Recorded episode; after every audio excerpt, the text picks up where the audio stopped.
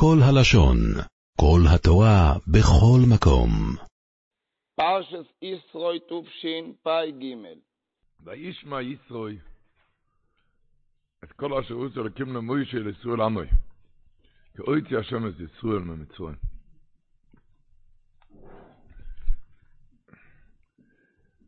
אומרים שהיו, כאן כתוב שישראל שמע את כל אשר הוא צלקים למוישה לישראל עמוי.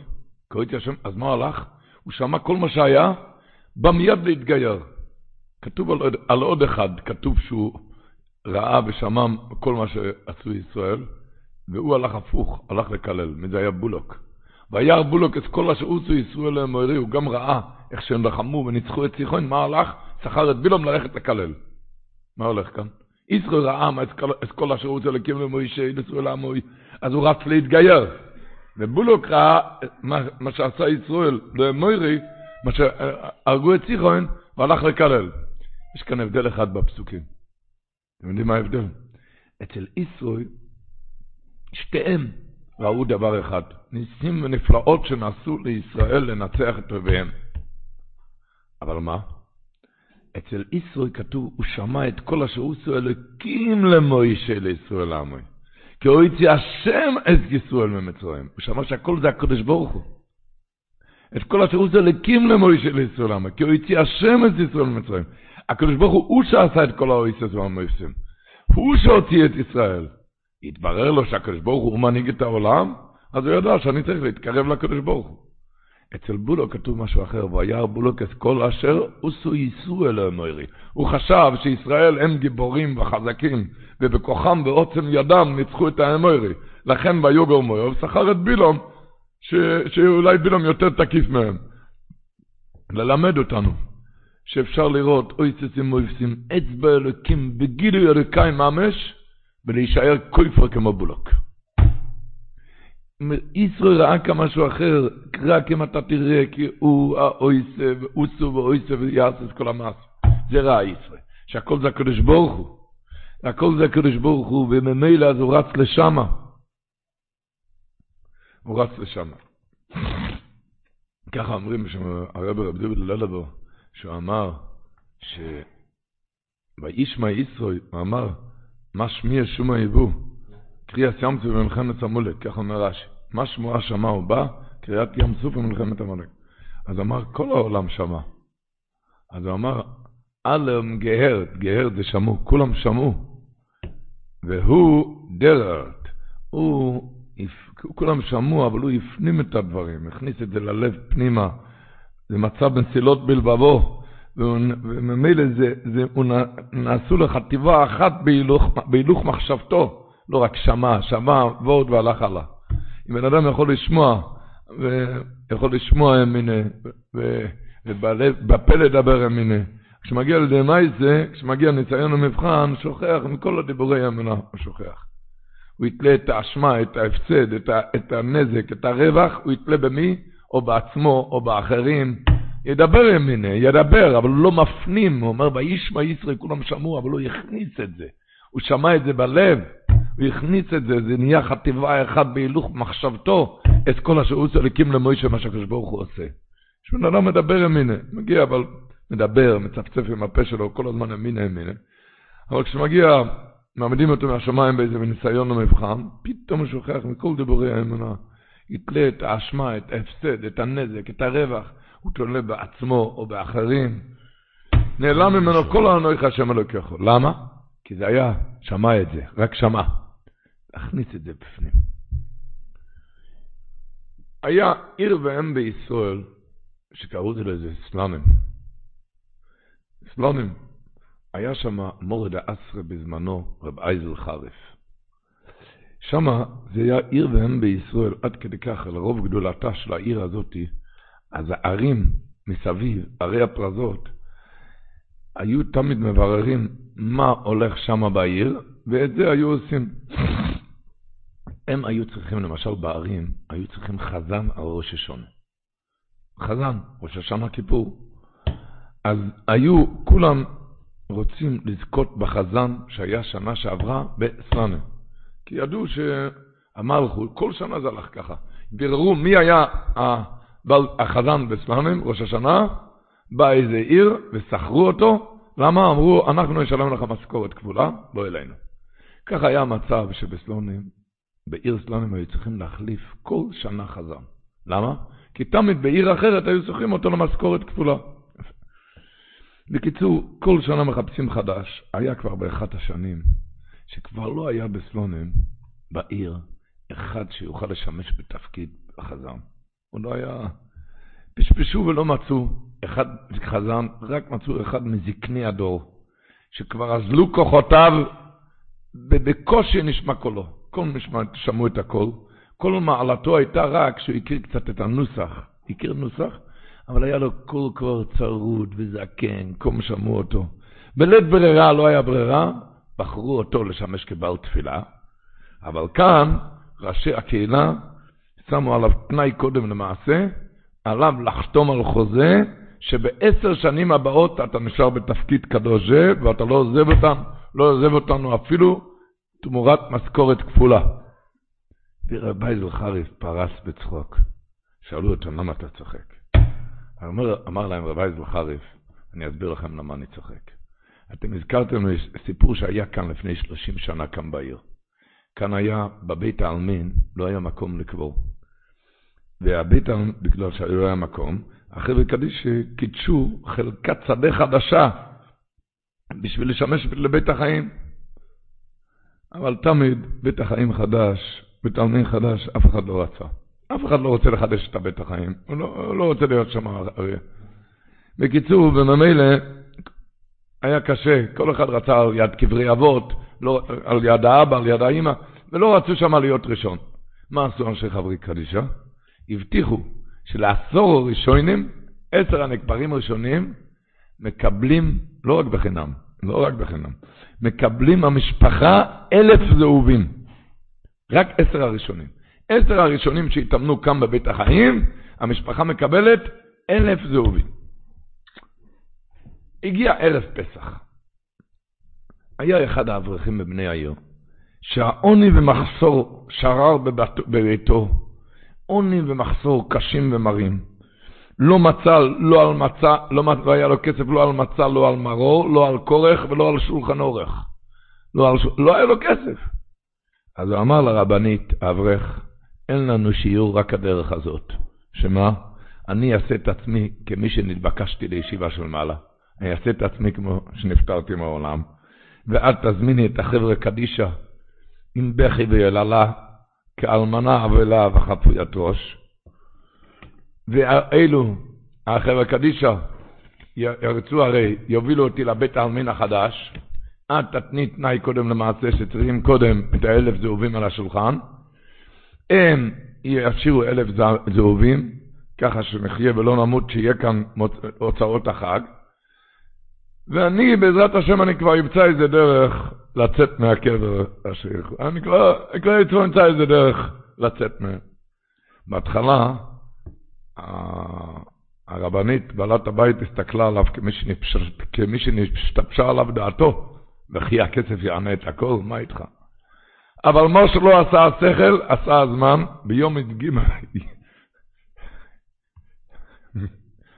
ביום י"ג ניסן בבוקר, אין כסף בבית, הבית ריק, אין מצב ואין קרטופל, אתם יודעים מה זה קרטופל? תפוח אדמה אפילו אין.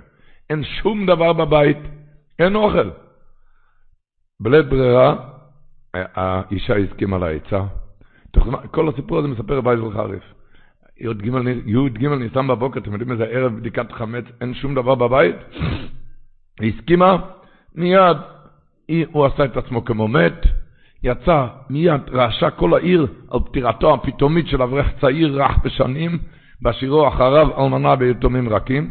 כשבאו אנשי החבר'ה קדישה לקבור אותו בבית החיים החדש, אז היא אמרה, רק בתנאי ששמים את האלף זהובים לפני יצאת הלוויה.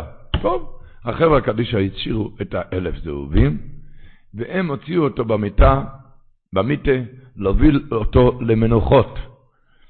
סיפר רב אייזל חריף, הדרך לבית החיים החדש היה דרך ארוכה, הרבה יותר מהבית החיים הישן, וממילא באמצע הדרך היו צריכים להיכנס לאיזה קריצ'מה. קריצ'מה זה, זה בית החצייה לאכול, לשתות.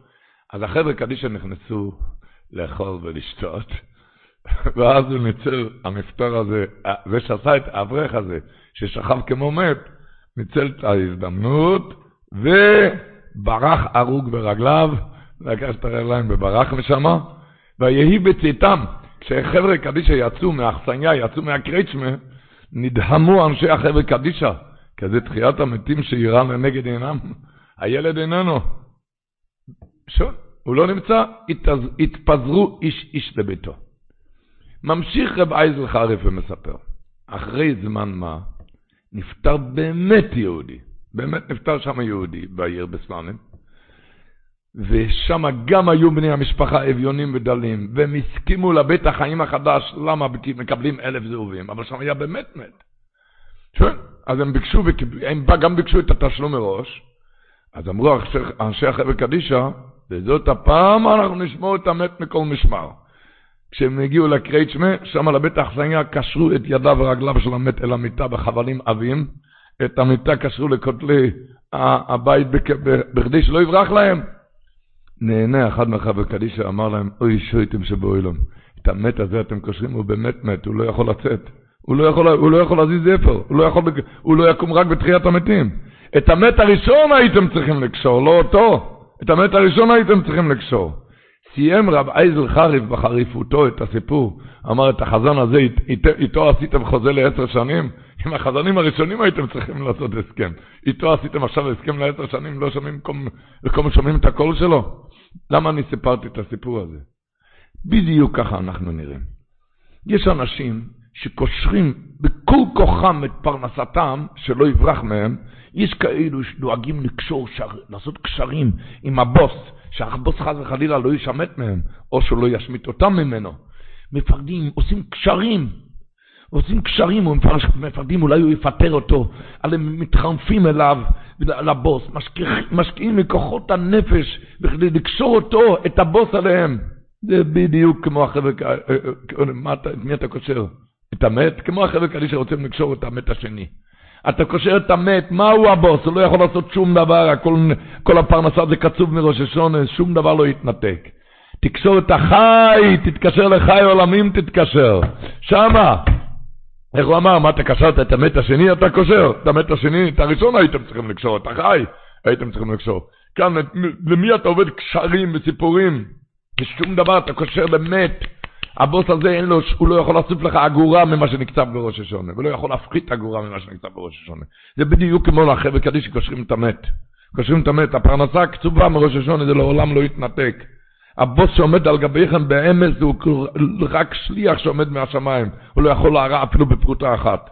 תקשרו את החי, אומר, תתקשרו לחי העולמים, תשקיעו שמה, כי ממנו הכל, שמה באמונה, לדעת את כל אשר עושה לקים למוישה.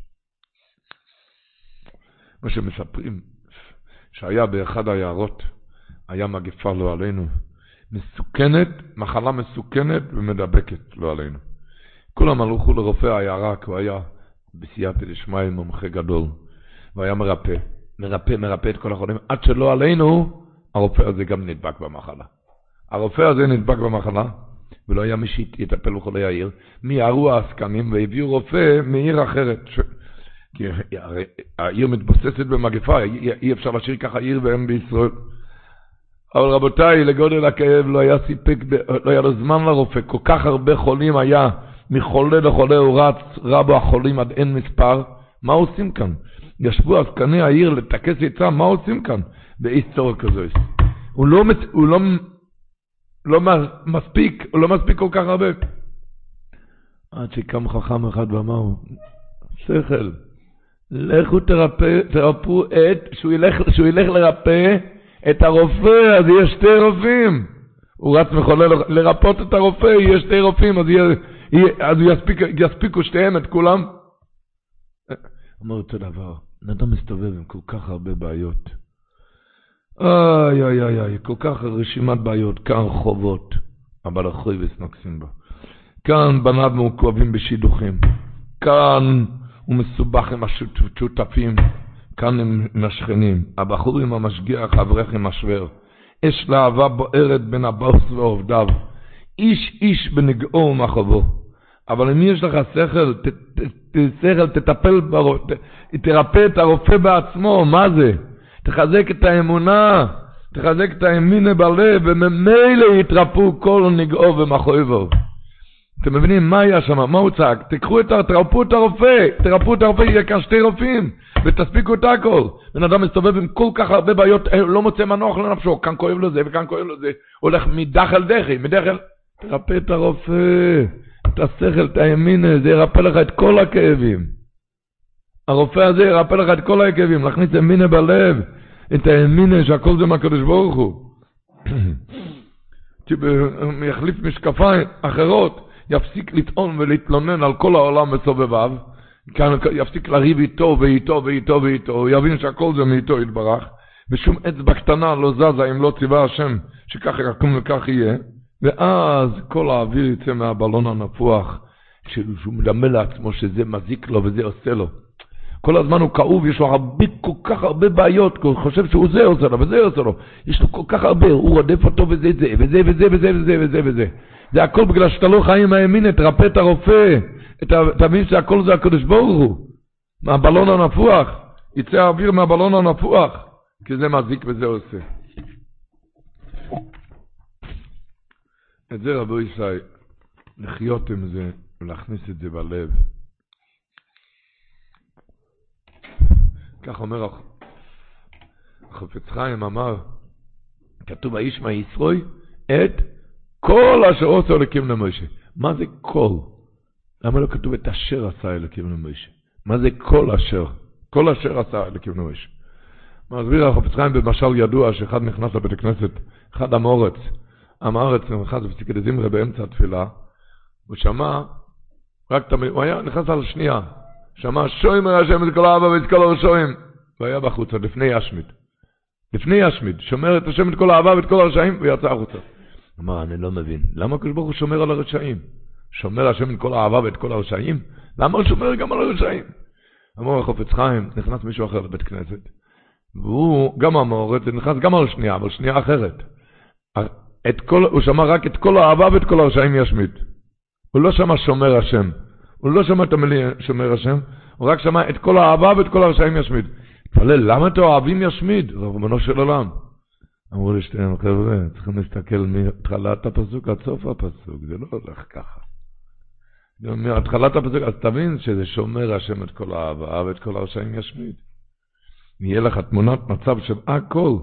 כשמסתכלים רק בחלק, אתם מסובכים בכל מיני קושיות ותמיהות. זה אומר החופץ חיים, זה הפירוש בפסוק.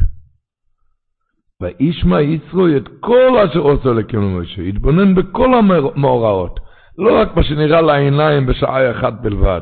כל הקושיות והתמיהות בגלל שלא קוראים את הפסוק כמו שצריך מההתחלה עד הסוף. אם תסתכלו על כל הפסוק מההתחלה עד הסוף, אתה תבין שהוא דיין אמת. רק רק כל הבעיה שאתה לא רואה את הכל, אתה מסתכל רק מה שנראה לעיניים בשעה אחת בלבד, וממילא אתה מתחיל עם קושיות על מה עושה השם כוחו, אבל ישראל שמע את כל אשר עושה לקים למוישה, אז הוא האמין שעצו תומן פועלו יקל אמונו בינו ואל צדיק ויושר הוא. בקיצור זה הלימוד, אומר החופץ חיים, שבן אדם לא יהיה קצר רוי, רואה עכשיו קיבל כזה טלפון והוא שבור מזה. שלא יהיה קצר רוי להסתכל רק על הדקה הזאת עכשיו כבר, ליפול ברוחו ולהתייאש חס ושלום, אלא ישכיל ויבין כי הכל בחשבון וסדר מדויק משמיים, ממעל לטובתו השלמה. הכל לטובתו השלמה. איך הרב אוזנר אמר, שקראנו בשבת בתורה, ותען להם מרים, שירו לשם. מרים אמרה לנו שוותען להם, מה זה ותען? ותען זה אחרי קושיות. אומר, כן, אנשים שאלו במצרים, מה הולך כאן? התפללנו, מה הולך כאן? למה הלאה? ולמה עוד צער? והפער רודף אותנו. אמר הרב אוזנר, ותן להם מרים, עכשיו היא ענתה להם. זו התשובה, ותן. אתם ראיתם, היה מקרא. כך אמר ברכס אברום, הסלונם הרבה, הברכס אברום, שכתוב השבוע בפרשה, בכל העם, אחרי מתן תורה. כתוב בכל העם, רואים את הקולות. מה זה רואים את הקולות? אז כולם, מה, מה זה רואים את הקולות? איי, איי, איי, איי. אז הוא אמר שבמצרים כולם צעקו. בני ישראל תחת סבלות מצרים זעקו והתפללו להשם שיוציאו אותם משובוד לגאולה, והיה נראה להם שהכל נסתם, סתם בעדי, קולות התפילה, היה נראה להם שקולות התפילה לא עולה למרומים, לא פועלים לטובה, אבל האמת היא שהתפילות התקבלו לטובה, ובזכות התפילות האלו הקדוש ברוך הוא מיהר להוציא אותם, ורק בגלל הקולות האלו הם זכו, לקבל, זכו לקבלת התורה. כשהם עמדו. במעמד הר סיני בשעת מתן תורה, אז כולם ראו את הקולות, שראו אותם הקולות שהתפללו בשעתו, והבינו עכשיו שכל מה שזכו עכשיו זה רק בזכות הקולות של אז, בזכות הקולות, ללמד אותך ששום תפילה לא חוזר ריק. כל קול והנחה של יהודי מרעיש בשמי מרום. אפילו שנדמה לו שהקול לא יקבל בשמיים. האמת הוא שנשמע טוב, ועוד יבוא זמן והוא יראה את הקולות. במצרים לא היו רואים, לא ראו שהתפילות שלהם משהו יתקבל. במצרים היה נראה להם שסתם בעדי, קולות התפילה לא עולים למרומים, לא פועלים מאומה. אבל באמת התפילות התקבלו בזכותם, בזכות הקולות האלו, מיהר הקדוש ברוך הוא ליציאה ממצרים. ורק בגלל זה הם זכו עכשיו למתן תורה.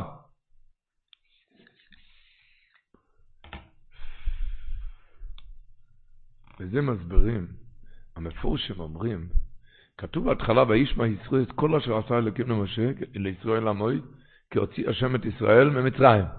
שואלים המפורשים, מפורשי התרא, למה כתוב אחר כך, היום קראנו בבוקר בתורה, עוד פעם, ויספר משה לכו ישנוי, וסיפר לו, כתוב בפסוק, את כל אשר עושה השם לפרוי ולמצרים, על אוידס ישראל, את כל התלאה שמצאתם בדרך ויצילם השם.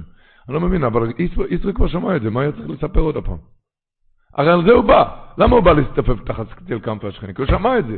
מה הוא סיפר עוד פעם? הדברים פשוט דקדוק אחד.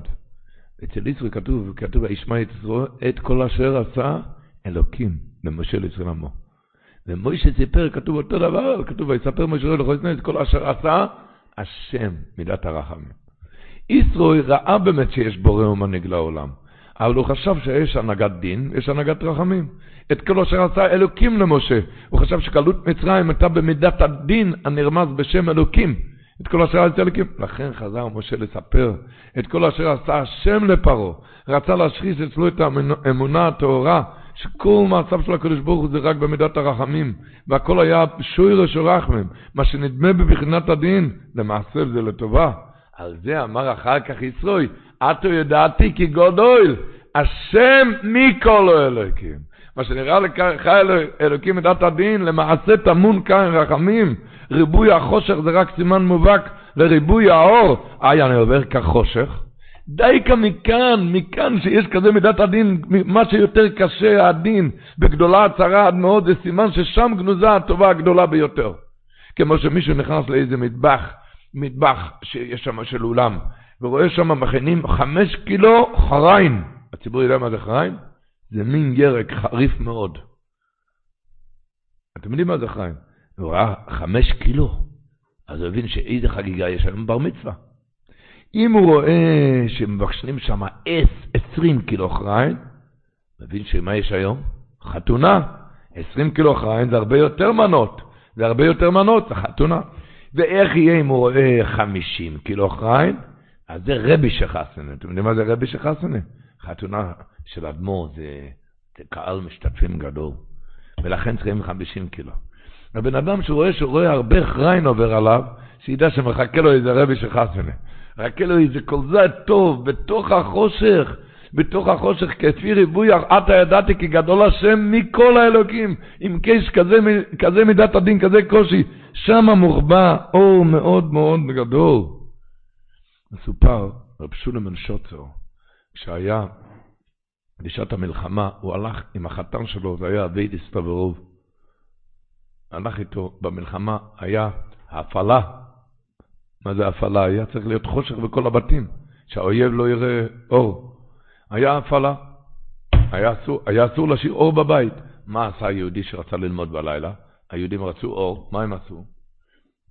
לקחו בת שחור, קנו בת שחור בחנות, ושמו את זה על החלונות, וככה לא ראו בבחוץ את האור. המשטרה לא עצרה אותם. למה? כי לא ראו אור, כי היה שם בת שחור. אז הוא אמר ככה, שכשהיה וכשקונה רצה לקנות בת שחור בחנות, הוא נכנס למוכר, והמוכר שאל, שאל אותו שתי שאלות כשהוא ביקש בת שחור. שאלה אחת, כמה החלון סמוך לאור? כי אם החלון זה סמוך לאור, אז צריכים בד יותר שחור, בד יותר עבה, עבה, יותר שחור. ואם זה רחוק מהאור, אז לא צריך כזה בת שחור, כן? זו שאלה אחת. עוד שאלה, מה הוא שאל? איזה מספר המנורה? כי אם המספר המנורה, מספר האור, זה מספר גבוה, אור גדול, פרוג'קטור, אז צריכים בד הרבה יותר שחור. בד... אז שתי שאלות, אם הפרוג'קטור, אם, אם זה אור גדול, צריכים בד יותר שחור, ואם האור סמוך לחלון, צריכים עוד יותר שחור.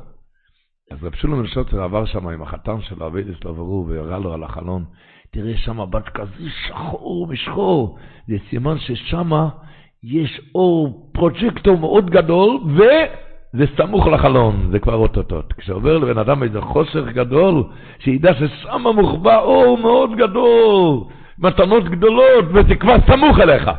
וזה שזה שחור משחור, זה סימן שכאן מוחבא לך גם אור מאוד גדול, אור מאוד גדול, וזה כבר סמוך אליך. כי הסימן היה, אם זה בת שחור משחור, זה גם אור גדול וגם זה סמוך לחלון.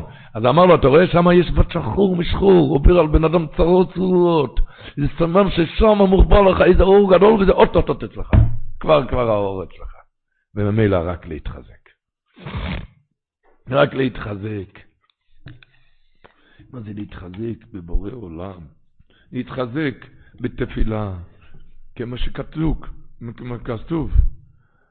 המדרש מספר, כתוב בפסוק, בפרשת שמות, ולכהן מדיין שבע בנות. ותבואינו ותדלנו, ותמלאנו את הראותים, להשקות צאן אביהן. אתם זוכרים? למי? ליתרו. היה שבע בנות, הם באו להשקות, ויבואו הרועים, ויגרשום. מי קם? מי הציל אותם? משה רבנו. אחר כך שאל ישרוי, איפה האיש? איפה היה, איפה משה רבנו? קראן לו ויאכל לחם, והוא לקח אותו לחתן, את משה רבנו. זה שעזר להם להשקות. במדרש כתוב, תשמעו, אומרו רבותינו, למה הבנות הלכו למעלות לצאן אביהן, להשקות צאן אביהן, הבנות ישרו? אומר המדרש, אומרו רבותינו, ישרוי קוימר לעבוד כוחו ומויו, היה קוימר לעבוד אזורי, וראה שאין בו ממש שטויות ואבנים, זה ובלונים, וערער לעשות תשובה. ישרו ערער לעשות תשובה, עד שלא בוא מוישה. עוד לפני שמוישה רבנו הגיע, הוא ערער בתשובה לעשות תשובה. קרא לבני עירו, ישרוי, ואמר להם, תשמעו, הוא רצה לחזור בתשובה, אבל לא אמר להם שהוא רוצה לחזור בתשובה. אז הוא אמר להם, תשמעו, עד עכשיו אני הייתי משמש אתכם, מעתה, מעכשיו זקן אני, זקנתי, בחרו לכם כומר אחר, תבחרו לכם. עמדו, הם הבינו מיד שהוא משהו... עוזב את העבודה הזרה, הוא עוזב את... עמדו ונדעו, הם נדעו אותו, שלא יזקק לו אדם, שאף בן אדם לא יעזור לו, ולא יעשו לו מלאכה שאף אחד לא יעבוד לו שום, שום מלאכה, ולא יראו את צונו, שאף אחד לא יראה את הצון שלו. וביקש מן הרועים, אומר המדרש, לראות לו את צונו, שיראו את צונו, ולא קיבלו. לפיכך הוציא את בנותיו שהם ילכו לראות את הצאן, ותבואינו ותדלנו, אומר המדרש מלמד, שהיו מקדימות לבוא מפני פחד הרועים, הם פחדו מהרועים. ויבואו הרועים ויגרשום, מיד הרועים הגיעו, הם גירשו את בנות יתרו. אומר המדרש, אפשר, הוא כהן מדיין, והרועים מגרשים בנותיו? איך זה היה? אה, אה, הוא היה שר והם מגרשים בנותיו? אלא ללמדך שנידו, נרדו, נידו אותו וגירשו את בנותיו. עד כאן לשון המדרש. זאת אומרת, ההשפלה שהשפילו את ישרוי, זה הגיע לדיוטה התחתונו. נידו אותו, שאף אחד לא יעזור לו, אף אחד לא יראה את צונו, באו הרועים וגירשו. וכל אחד שרואה כזה דבר, עומד וצובח, ריבונו של עולם, זו, תורה וזו שכרה? זה השכר של מי? הוא ישב עד היום ברומו של עולם. הוא עזב את העבודה הזרה, עזב את הכל למען כבוד שמו יתברך. למה? כי הוא הכיר שאבל יש, שזה רק אבל לעבודה זרה, כן אבל. הוא דבק באמונה הטהורה. אמונה התורה, ותראה מה שקרה לו. כולם רודפים אותו, שונאים אותו. אבל מה, מה התברר מיד? שדווקא ההשפלה הזאת זה סיבת גדולתו שהוא זכה להיות השוור של משה רבינו. למה? כי על ידי זה מי, הרועים גירשו אותם, ולכן הגיע מוישה רבינו והושיע אותם, וישראל אמר לבנות שיקראו לו, וזאת אומרת שאם היה חסר בהשפלה, אפילו כחוט השערה, לא היה זוכר למוישה רבינו. היה צריך את כל ההשפלה, שמה שינדו אותו, שההורים יגרשו את הבנות, ורק ככה משה רבינו הגיע, ורק בגלל ההשפלות הוא הגיע לה. מה אלה הגדולה הזאת להיות שוור של משה רבינו? זה ללמד אותנו. עד כמה הקדוש ברוך הוא זקף כפיפין כל אחד ואחד בדלי. כשעובר זמני קושי או מצבי קושי ולחץ, אם זה בכסף, אם זה בבריאות, בתוירה ובעבודה, בבונים ובשאר עניונים, מה שנראה לעיניך שאתה כפוף, באמת זה זקיף, זה לא כפוף. זה רק בשביל להצמיח לך את הישועה. ישראל עבר כפיפין כפיפין, ורק משם זקיף. רק משם הוא זכה את הישועה. זה, כתוב, זה היה אצל גוי, כבוכנו ביהודי, שיורד מטו מטו, שיבין טוב, שזה הטוי והשלמה בשבילו. הוא טוען רב משה שטרנבוך, רב משה שטרנבוך בספרו תם ודעת, הוא טוען שזה אמר משה רבנו לשוור שלו. לא, לא אומר מה שאני אמרתי עכשיו מהמדרש, הוא כותב ככה, כתוב בפרשה, ויספר מוישה לחויסנוי, את כל התלוע שמצאוסם בדרך, את כל התלאה שמצאתם בדרך, ויצילם השם. אומר, מצאתם, הפירוש מצא אותו, איזה מקרה, מצא אותו. אומר, ושרבינו אומר לישראל, אתה יודע מה שהלך שם, הלכו אחורה, הקדוש ברוך אומר, לחזור אחורה, לפני קריאת ים סוף, אחרי שיצאו ממצרים.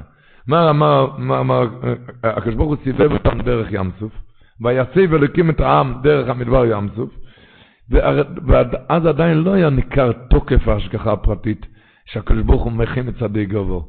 והם לא הבינו עדיין שבכוונה הקדוש ברוך הוא מסבב אותם דרך ים סוף, בכדי שיבוא עליהם פרוי ויקובדו בפרוי וכל חילוי. אלא מה היה נראה? כאילו קרה הכל בדרך מקרה חס ושלום. מצא אותם, אשר מצאוסם בדרך, מצא אותם איזה מקרה, מצאתם, קרה להם שהם, שהם חזרו ככה דרך ים סוף. אבל למעשה התברר שהכל הקדוש ברוך הוא עשה, למה? להציל אותם מיד פרעה ולהינקם ממצרים, ואין מקרה בעולם כלל. אנחנו בתורה כבר כתוב, ויסב אלוקים את העם דרך המדבר ים סוף. אבל כשהעם הלך דרך המדבר ים סוף, עוד לא ידעו שהקדוש ברוך הוא מסיבב אותם במיוחד. הם חשבו שמשהו קרה כאן, ועל הפרוי רץ ועל והם לא הבינו, הם חשבו אשר מצאתם בדרך, שמצא אותם. אבל אחר כך הם ראו שהקדוש ברוך הוא עשה את זה, למה? כי ויצילם השם להינקם ממצרים. ועל דרך זה בכל צרותיו של האדם, שזה לא במקרה אחד בשלום, אלא מאיס אילס כל האילו, זה סיבת כל הסיבות, להביא לו פדות ורווחה מתוך הצרה.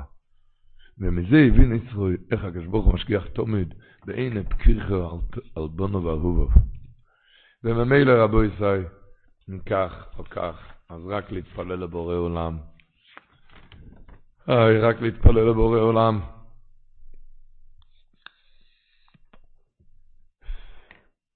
אומר האמרי אמס? לא יהיה לך אלוהים אחרים, הכתוב השבוע, מה אומר רש"י? השבוע עשרת הדיברות, לא יהיה לך אלוהים אחרים. מה אומר רש"י? שהם אחרים לעובדיהם, צועקים עליהם ואינם עונים אותם. הם לא עונים. איי איי איי, זה דומה כאילו אחר שאינו מכירו בעולם. ככה אומר רש"י, אחרים לא עובדיהם. צועקים עליהם ואינם עונים. דומה כאילו אחר שאינו מכירו מעולם. אומר האמרי אמס, אבל הקדוש ברוך הוא אלוקים אמס, אליו צועקים מיד נהנים.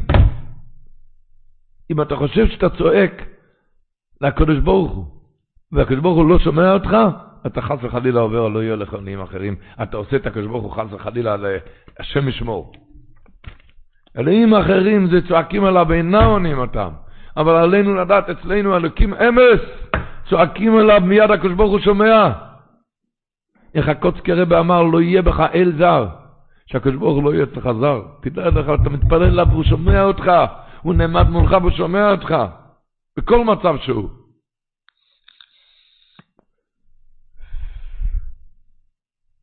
מישהו נכנס פעם לשר שולם מבלץ, הוא ביקש ממנו, צריך חיזוק באמונה. חיזוק באמונה. מה חיזוק באמונה לא צריך? לך תעמוד, תתפלל חזק על מה שאתה צריך, ואתה תראה שאתה נהנה. כשאתה צועק מקרב לב, תראה שהקדוש ברוך הוא עונה לך, תראה שיש אייבשטר בעולם, שיש הקדוש ברוך. יש באיגרוי סופרים, עמוד 74, מובא שמה מכתב מהגויין רב קיבי איגר. הרב עקיבא איגר, כתב מכתב, ביקשו ממנו להתיר, לבקש לרפואת שרה בת רבקה. הוא כתב מכתב בחזרה, התפללתי על שרה בת רבקה ולא נהניתי. לא נהניתי. אז הוא ביקש לברר, כי אולי, חל... אולי נפל איזה טעות בשם החולה, בשביל זה הוא לא פעל בתפילתו. בסוף התגלה שהשם זה רבקה בת שרה. הוא התפלל ומיד נהנה. אתם מבינים? הרב קיבייגר היה לו פשוט. הוא הרגיש שהוא לא נהנה, אנחנו לא יודעים מה. הוא הרגיש שהוא לא נהנה, הוא אומר כנראה יש איזה טעות. אז צריכים ללמוד רבי עקיבא איגר כזה, כמו שלומדים רבי עקיבא איגר בתקפו כהן. ללמוד את הרבי עקיבא איגר. התפללתי ולא נהניתי, משהו חסר, משהו, משהו לא היה בתפילה טוב. יש, הרבי עקיבא איגר טעה שמה בשם, אנחנו טועים בשם שלנו, לא יודעים איך אנחנו נראים. איך שהקדוש ברוך הוא עומד ושומע את, את השם שלי, אלימלך מתפלל, הוא מתפלל, הוא שומע. זה יעקב ואלימלך וגצל וכל אחד. אין ספק שהתפילה פועלת לטובה. זה כל אחד ואחד, החזון איש כותב באיגרת, קובץ איגרויס בייס, כתוב בחזון איש, העיקר להתרגל שאין צריך שליח, מישהו שיתפלל בשבילך. אתה לא צריך שליח, שמישהו יתפלל בשבילך. בכל ברנש, הוא אומר, כל בן אדם בכוחו למצוא טוב על ידי תפילה. והשם מתהווה כביכול לתפילתם של צדיקים. התפילה, הוא כותב עליה, היא מטה עוז ביד כל אדם. מטה עוז, הפירוש הוא זה, זה המטה עוז, זה, המטה ביד כל אדם. וככל שישים האדם מבטחו בו יתברך, כן יעלה וכן יצליח. אתם מבינים, לא צריכים את הרב קיבהגר בשביל לשנות את הנגזר בתפילה. זה כל אחד ואחד. תלוי איך אתה נעמד בהם. זה כתוב בפסוק. כי בפרשת ואתחנן, כי מי גוי גדול אשר לא אלוקים קרובים אליו, כשם אלוקינו בכל קוראינו אליו. אומר המדרש, אומר רבי תנחומה, מספר המדרש רבי תנחומה סיפר כך, מעשה בספינה אחת, אונייה שנסעה בין גלי הים, וכל נוסעיה היו עובדי כוכבים, היו גויים, כל הנוסעים, מלבד יהודי אחד שנסע בו, היה שם יהודי אחד בכל האונייה. בהגיעם לאחד מאיי הים, הגיעו באיזה, לאחד מאיי הים, נתנו הנוכרים, הגויים, נתנו כסף ליהודי וביקשו ממנו, עלינו על היבשה והביא לנו משם דברי מאכל ומשתה. אמר להם היהודי, אכסנאי אני. מה זה אכסנאי? אני גם אורח כאן כמו כולכם. ואני כן, יודע יותר טוב ממכם? אכסנאי אני, אני אותו אורח כמוכם. וכי מכיר אני להיכן אלך, אני יודע לאיפה ללכת, כמוני כמוכם. אין לי מכירים בעיר הזאת, מניין נדע להיכן אלך, אני יודע לאיפה ללכת. השיבו לו הנוכרים, מה גויים אנו לו? אתה הרי יהודי, יש אכסנאי יהודי? בכל מקום שאתה הולך, אלוקיך עמך. בכל מקום שאתה הולך, אלוקיך עמך. איפה שאתה נמצא, הקדוש ברוך הוא איתך, הרי כסיבה שיש לו אלוקים קרובים אליו. אתה לא יכול להגיד את האורח, אתה אף פעם לא לבד. יהודי הולך, הקדוש ברוך הוא קרוב אליו, בכל עת ובכל זמן ובכל מוקם. וממילא, רק להתחזק בו. כל אחד ואחד, הקדוש ברוך הוא איתך, ומחכה לכל אחד. אין לנו מושג, אני אקריא עכשיו לושן של אחד מרביצינו הראשונים, שאין לנו, צריכים להקדים, לפני שאני מקריא כזה לשון שכתוב בסדר הדורות, שאין לנו מושג מה זה ראשונים כמלוכים. ראשונים, רביצינו הראשונים. אבל זה לשונו. של מי? אברבנאל. זה מהראשונים. בספר סדר הדורות, אה אלפים רס"ט, אה אלפים רס"ט, הוא מביא דבר נורא, של נמצא כתוב, לא היה אפשר לאומרו. הוא כותב ככה, רבינו יצחק אברבנאל, שהיה מגדולי הראשונים, חיבר 13 ספרים, כתב על עצמו בזה הלשון, אברבנאל כתב. וכל, הוא כותב על השלוש עשרה ספרים, וכל החיבורים האלה עשיתי, אחרי שיצאתי מארץ מולדתי. כי קודם זה הייתי טרוד בחצרות המלכים, קרוב למלכות, ולא היה לי פנאי, לא היה לי זמן לעיין, ולא ידעתי ספר, לא ידעתי ללמוד. לא פתחתי ספר. וכלותי באבל ימיי ושנותיי בבהלה לעשות עושר וכבוד. ככה הוא כותב אברבנאל. אני גמרתי, כלותי, גמרתי באבל ימיי ושנותיי בבהלה לעשות עושר וכבוד, וכן אבד עושר ההוא בעניין רע, כל הכסף נאבד, ואחרי היותי נע ונד בארץ, וחסרתי הממון אחרי שהכסף הלך לי, אז דרשתי ספר השם, אז התחלתי ללמוד, ואז אמרתי חיסורי מחסרא ואחי קטני. כשחסר לי הכסף התחלתי ללמוד, ומזה גדל רבי סיינים. מי יש לנו מושג מי זה אברבנאל רבינו הראשונים? אבל תראו, אם אברבנאל כתב ככה, נו אז כמה אנחנו בתשפ"ג יכולים להתחיל, להתחיל מעכשיו דף חדש. בואו נתחיל דף חדש, בואו נלמד את אברבנאל כמו שאברבנאל מפרש לנו, פירש לנו את כל התוירה מסיני. נלמד את אברבנאל הזה, שאף פעם לא מאוחר, שאני יכול עכשיו להתחדש ולגדול. עם זה, עם כל זה שאין לנו מושג מי זה אברבנאל. בואו נתחיל, נתחזק.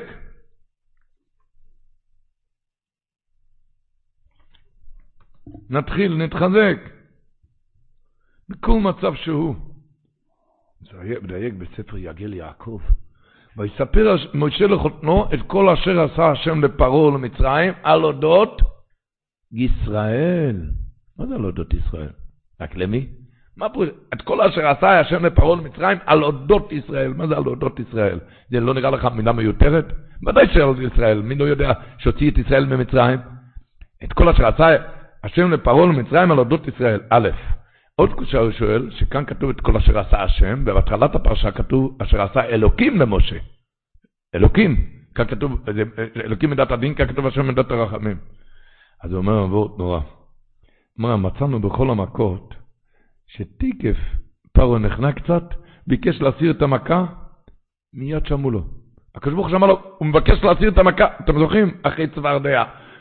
בוכה למשה רבנו, תסיר ממני את המכה. מיד, ומחר אין מכה. בוא, תסיר את זה. איך שהוא ביקש, מיד הסירו את המכה. ואפילו שראינו וידענו בכל מכה ומכה, ששב לאיוולתו. שראינו שהוא לא שב בלב שלם, כמו שאומרים, אפילו כשביקש, תסירו את המכה, תסירו, זה לא היה בלב שלם, כי תמיד אתה חזרת לאיוולתך. וזה היה מחסדו הגדול של הקדוש ברוך הוא. וזה היה תמוה בעיני יתרו. ישראל לא הבין איך זה הקדוש ברוך הוא מיד, מה שהוא ביקש פרוי, הסיר את המכה. הרי הקדוש ברוך הוא ראה שהוא לא, הוא, הוא לא שב באמת, הוא כל הזמן... אוי, ענה לו משה רבינו, רבו יצא, תשמעו טוב. זה הכל היה בגלל שישראל יקבלו מוסר למו, יקבלו את המוסר שאפילו בן אדם הרבה לפשוע. הקדוש ברוך הוא יקבל אותך בתשובה, קל וחומר מפרעה. את פרעה קיבלתי? אתה רואה את הכפרות קיבלתי, אני ידעתי שלא, שעוד הפעם ועוד הפעם ועוד הפעם בורא ועוד הפעם חשב לי יבלתו, ואני מקבל אותו, אז אותך אני ודאי אקבל. ויספר משה לחותנו את כל אשר עשה השם מידת הרחמים לפרעה. היה כל הזמן רחמים, תראה, הוא מבקש להסיר, מיד רחמים מסירים. הרי הוא לא שם באמת, עוד הפעם חזר ועוד הפעם חזר, על מה היה מידת הרחמים? על אודות ישראל, על אודות ישראל ללמד לעם ישראל. שאפילו הרבית לפשוע, אני מחכה עליך, תבוא ותחזור אליי בתשובה שלמה. זה, כל מה שהיה הוואי, זה היה מחזה הגודל, על אודות ישראל, ללמד לעם ישראל, שתמיד הקדוש ברוך הוא מחכה עלינו. נו, הקדוש ברוך הוא מחכה עלינו. אז היום יום, ימי השובבים, בואו בוא נחזור, נחזור אליו יתברך. רב אל אלופיאן סיפר שבמלחמת העולם הראשונה, הוא זכר את זה. רבל אלפיאן, הגדול, הגל, הרם שבענקים, השפת אמת אמר עליו שהיה לו גילוי אליהו. הוא אומר, במלחמת העולם הראשונה, לא היה שם, המחסור באוכל היה נורא ואיום, זועק עד לב השמיים. ילדים הלכו לישון בלי לאכול, בלי לשתות. הצ... המחסור הלחם, מחסור היה עד לב השמיים זעק. היה פעם איזה ילד שמיטת תזונה, לא היה לו אוכל, מיטת תזונה, הוא הגיע לבית חולים. נהיה חולה. מיטת תזונה, היה בטיפול נמרץ. הגיעו חברים לבקר אותו. חברים הגיעו לבקר אותו. הוא שואל את אבא, אבא, מי הם? מי הם החברים? אבא ראה שזה הגיע למוח. התת תזונה השפיעה על המוח, הוא כבר לא מכיר את החברים. אז האבא התכופף ואמר, יענקלה, זה חברים שלך. אה, כי הוא לא הכיר, זה השפיע על המוח. אמר רב אל אלופיאן, עבר שבוע, שבועיים, נכנסו האחים של ינקלה, האחים של הילד לבקר אותו. שואלת אבא, על האחים, מי הם? וואי וואי וואי, האבא רואה שזה השפיע, אפילו לא מכיר את האחים, הוא לא הכיר. ינקי, זה האחים שלך. אוי אוי אוי, אומר רב בלל לפיאן, עבר שבוע, זה יצא שאויו? אומר רב בלל לפיאן, עבר שבוע, והאבא נכנס לטיפול נמרץ, והילד שאל, מי אתה? הוא שאל לאבא, מי אתה? איך שהאבא שמע את המילים האלו, מי אתה? הסתובב לקיר ופרץ בבכי נורא. הוא לא מכיר אותי כבר, לא מכיר את האבא. אוי, גוואלד ישריגן, לא מכיר את האבא. אני טיפחתי וריביתי אותו והוא לא מכיר אותי. הוא בכה. אמר רבי אלופיאן, זה מייסה שאויו. כמו שיש בגוף, אתה לא נותן לו את המזון, אז זה משפיע על המוח, שהוא לא, עד כדי כך שבסוף הוא לא מכיר את האבא. אותו דבר זה בנשמה. הנשמה חצובה מתחת כיסא כבודו יתברך. הנשמה הגיעה משמה, ולאחר אריכות ימים הוא צריך לחזור לשם הנשמה. כשהוא נמצא כאן, בכדי שיכיר את ה... הקדוש ברוך הוא אומר לתת מזון לנשמה. מה זה המזון? מתפללים שלוש פעמים ביום, נותנים לו שיעורי תורה. זה המזון לנשמה. אבל אם אתה מפסיק לתת מזון לנשמה, לא מתפלל כמו שצריך, לא לומד כמו שצריך, אז זה משפיע על המוח עד כדי כך שמפסיק להכיר את האבא, לא יודע שיש לו אבא, אבא בשמיים. מפסיק להכיר את האבא, הוא התרחק, הוא מתפלל עם הפה, בשפתיו כיבדוני וליבו רחוק ממני, ליבו רחק ממני, הוא לא, הקדוש ברוך הוא אומר, צריכים מזון לנשמה כמו לגוף. המזון שלוש פעמים ביום לדבר אליו יתברך, הלב שלך שידבר אליו, פעם ביום שיעור תורה, תורה ומצוות, את כל הדברים האלו, התפילין, זה מקשר אותי אליו. אבל אם הבן אדם מתרחק, לא לומד, לא מתפלל, מפסיק להכיר את האבא, ישנם דברים עוד יותר גרועים. כשלא נותנים אוכל לגוף זה תת תזונה, אבל לפעמים כשנותנים דברים רעילים לא עלינו. דבר סם נותנים לו לאכול, זה לגמרי משבש ועושה חולה את המוח. רחמנא ליצלן, בן אדם לא רק לא נותן מזון לנשמה, רק עבר חטאים ופשעים. חטאים ופשעים רעילים לנפש, לנשמה, הוא התרחק מהאבא, לא עלינו. על זה בימים האלו הקדוש ברוך הוא מתחנן, שובו בנים שובבים. תזכור שאני האבא, בואו תתקרב בחזרה, תזכור אתה בן ואני האבא. בואו תיזכר התרחקתם מרוב מחסור במזון הנשמה, כביכול שכחתם שאתם בנים למקום, שאבא לכם בשמיים ובארץ. עכשיו הזמן להבריא את הנשמה, לתת לה מזונה ראוי לה, לעלות, לעלות אותה על דרך המלך, להכיר את אבינו מלכנו. וישנם זמנים שזה עוד ביותר, שמתקרב למשל שבת, זה בכל שבת. ששבת זה יום דנשמוסו, כמו שכתוב בזוהר הקדוש. יום בשביל הנשמה. הקדוש ברוך הוא אומר, ימות החול עבר כמו שעבר, לא נתת את התזונה לנשמה, לא הכרת אותי, עכשיו ביום יום דנשמוסו, תזכר שאתה בון בני חביבי, כשהפרשה בספוירסס כנופר לא אילום. ידוע, אבני סוסחו אומר, הגמור אומרת בסנהדרין נ"ח, גוי ששובס חייב מיסה. למה גוי ששובס חייב מיסה? הוא אומר? בחז"ל נקרא שבת שרביטו של מלך. אחד שמשתמש בשרביטו של מלך חייב מיתה. רק מי מותר לו להשתמש בשרביט המלך? רק בן. בן מותר לו להשתמש בשרביט של מלך. הקדוש ברוך הוא אומר לבן אדם, מגיע שבת, אתה הבן שלי. אתה הבן שלי. אתה הבן שלי, והראיה, שאתה, שאתה שומר את השבת, השבת שרביטו של מלך, תיזכר שאתה בן שלי. השבת יעשי כולו תוירה. שבת, תיזכר, כאן ניכר, שאתה הבן, אם אתה בן, אתה צריך להכיר את האבא. יכיר, חבזך צריק. כל אחד ואחד, הקדוש הוא מחכה עליו. יחצריק חפן, איך כותב האמרי מוישה, האמרי, באמרי קודש של הסורף זה כתוב. הסורף כותב, הגמור אומרת, אקפסה למשיחה, חוץ פייזגה. הגמורה בסויטר ממטס. מה פירוש חוצפה יסגה? אה? יסגה יהיה גדול. אז הוא אומר, אני אקריא את הלשון שלו. פירוש, אפילו איש מישראל, אשר יהיה ריק מתורה ומעשים טובים, ויהיה בדיוטה התחתונו בדס ובעיר על ישראל, לא תורה ולא יראת שמיים. ואף על פי כן יעיז פניו, זה נקרא עזות, יעיז פניו להתחזק עצמו ולצעוק זמירות הודו. אני כן צועק, אני צועק לאייבשטר, מי אתה? אתה אני יודע, אני חויטו פשע. אני רחוק מתורה, רחוק מיראה, אבל הוא מעיז פניו וצועק זמירות, אוידו. זה למעלה גדולה נחשב, יסקי הפירוש הוא גדול, זה יהיה גדול אצל הקדוש ברוך הוא החוצפה הזאת. הקדוש ברוך הוא יהיה לו נחס רוח מהחוצפה הזאת. שמה? שאומר שאפילו אני התרחקתי. מה זה חוצפה? חוצפה זה נקרא, זה עז, עזות. כזה עזות שהוא יודע שאפילו הוא אומר, איש, אפילו איש ישראל שיהיה ריק מתורה ומעשים טובים ויהיה בדיוק התחתונה, בדעת זה בעיר רחמונו אצלנו. ואף על פי כן יעיז פניו להתחזק עצמו ולצעוק זמירו, יסעודו, ולמעלה גדולו נחשב דבר זה, כי עיקר עבודת האיש הישראלי היא התחזקות. עיקר מה שקדוש ברוך הוא רוצה ממנו, זה יסגה זה גדול, החוצפה יהיה דבר גדול לפניו מדבר תוכח, שבן אדם עומד ומתחזק, הוא כן מתחזק.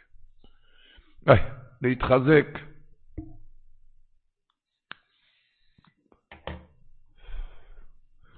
רק להתחזק.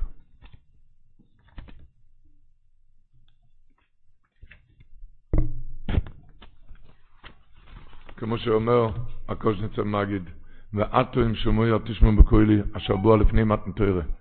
אומר, ועטו, הוא מתחיל איסה במדרש.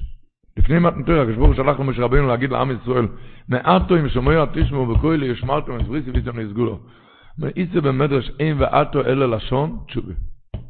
אז אומר, מה זה בנידן דדם?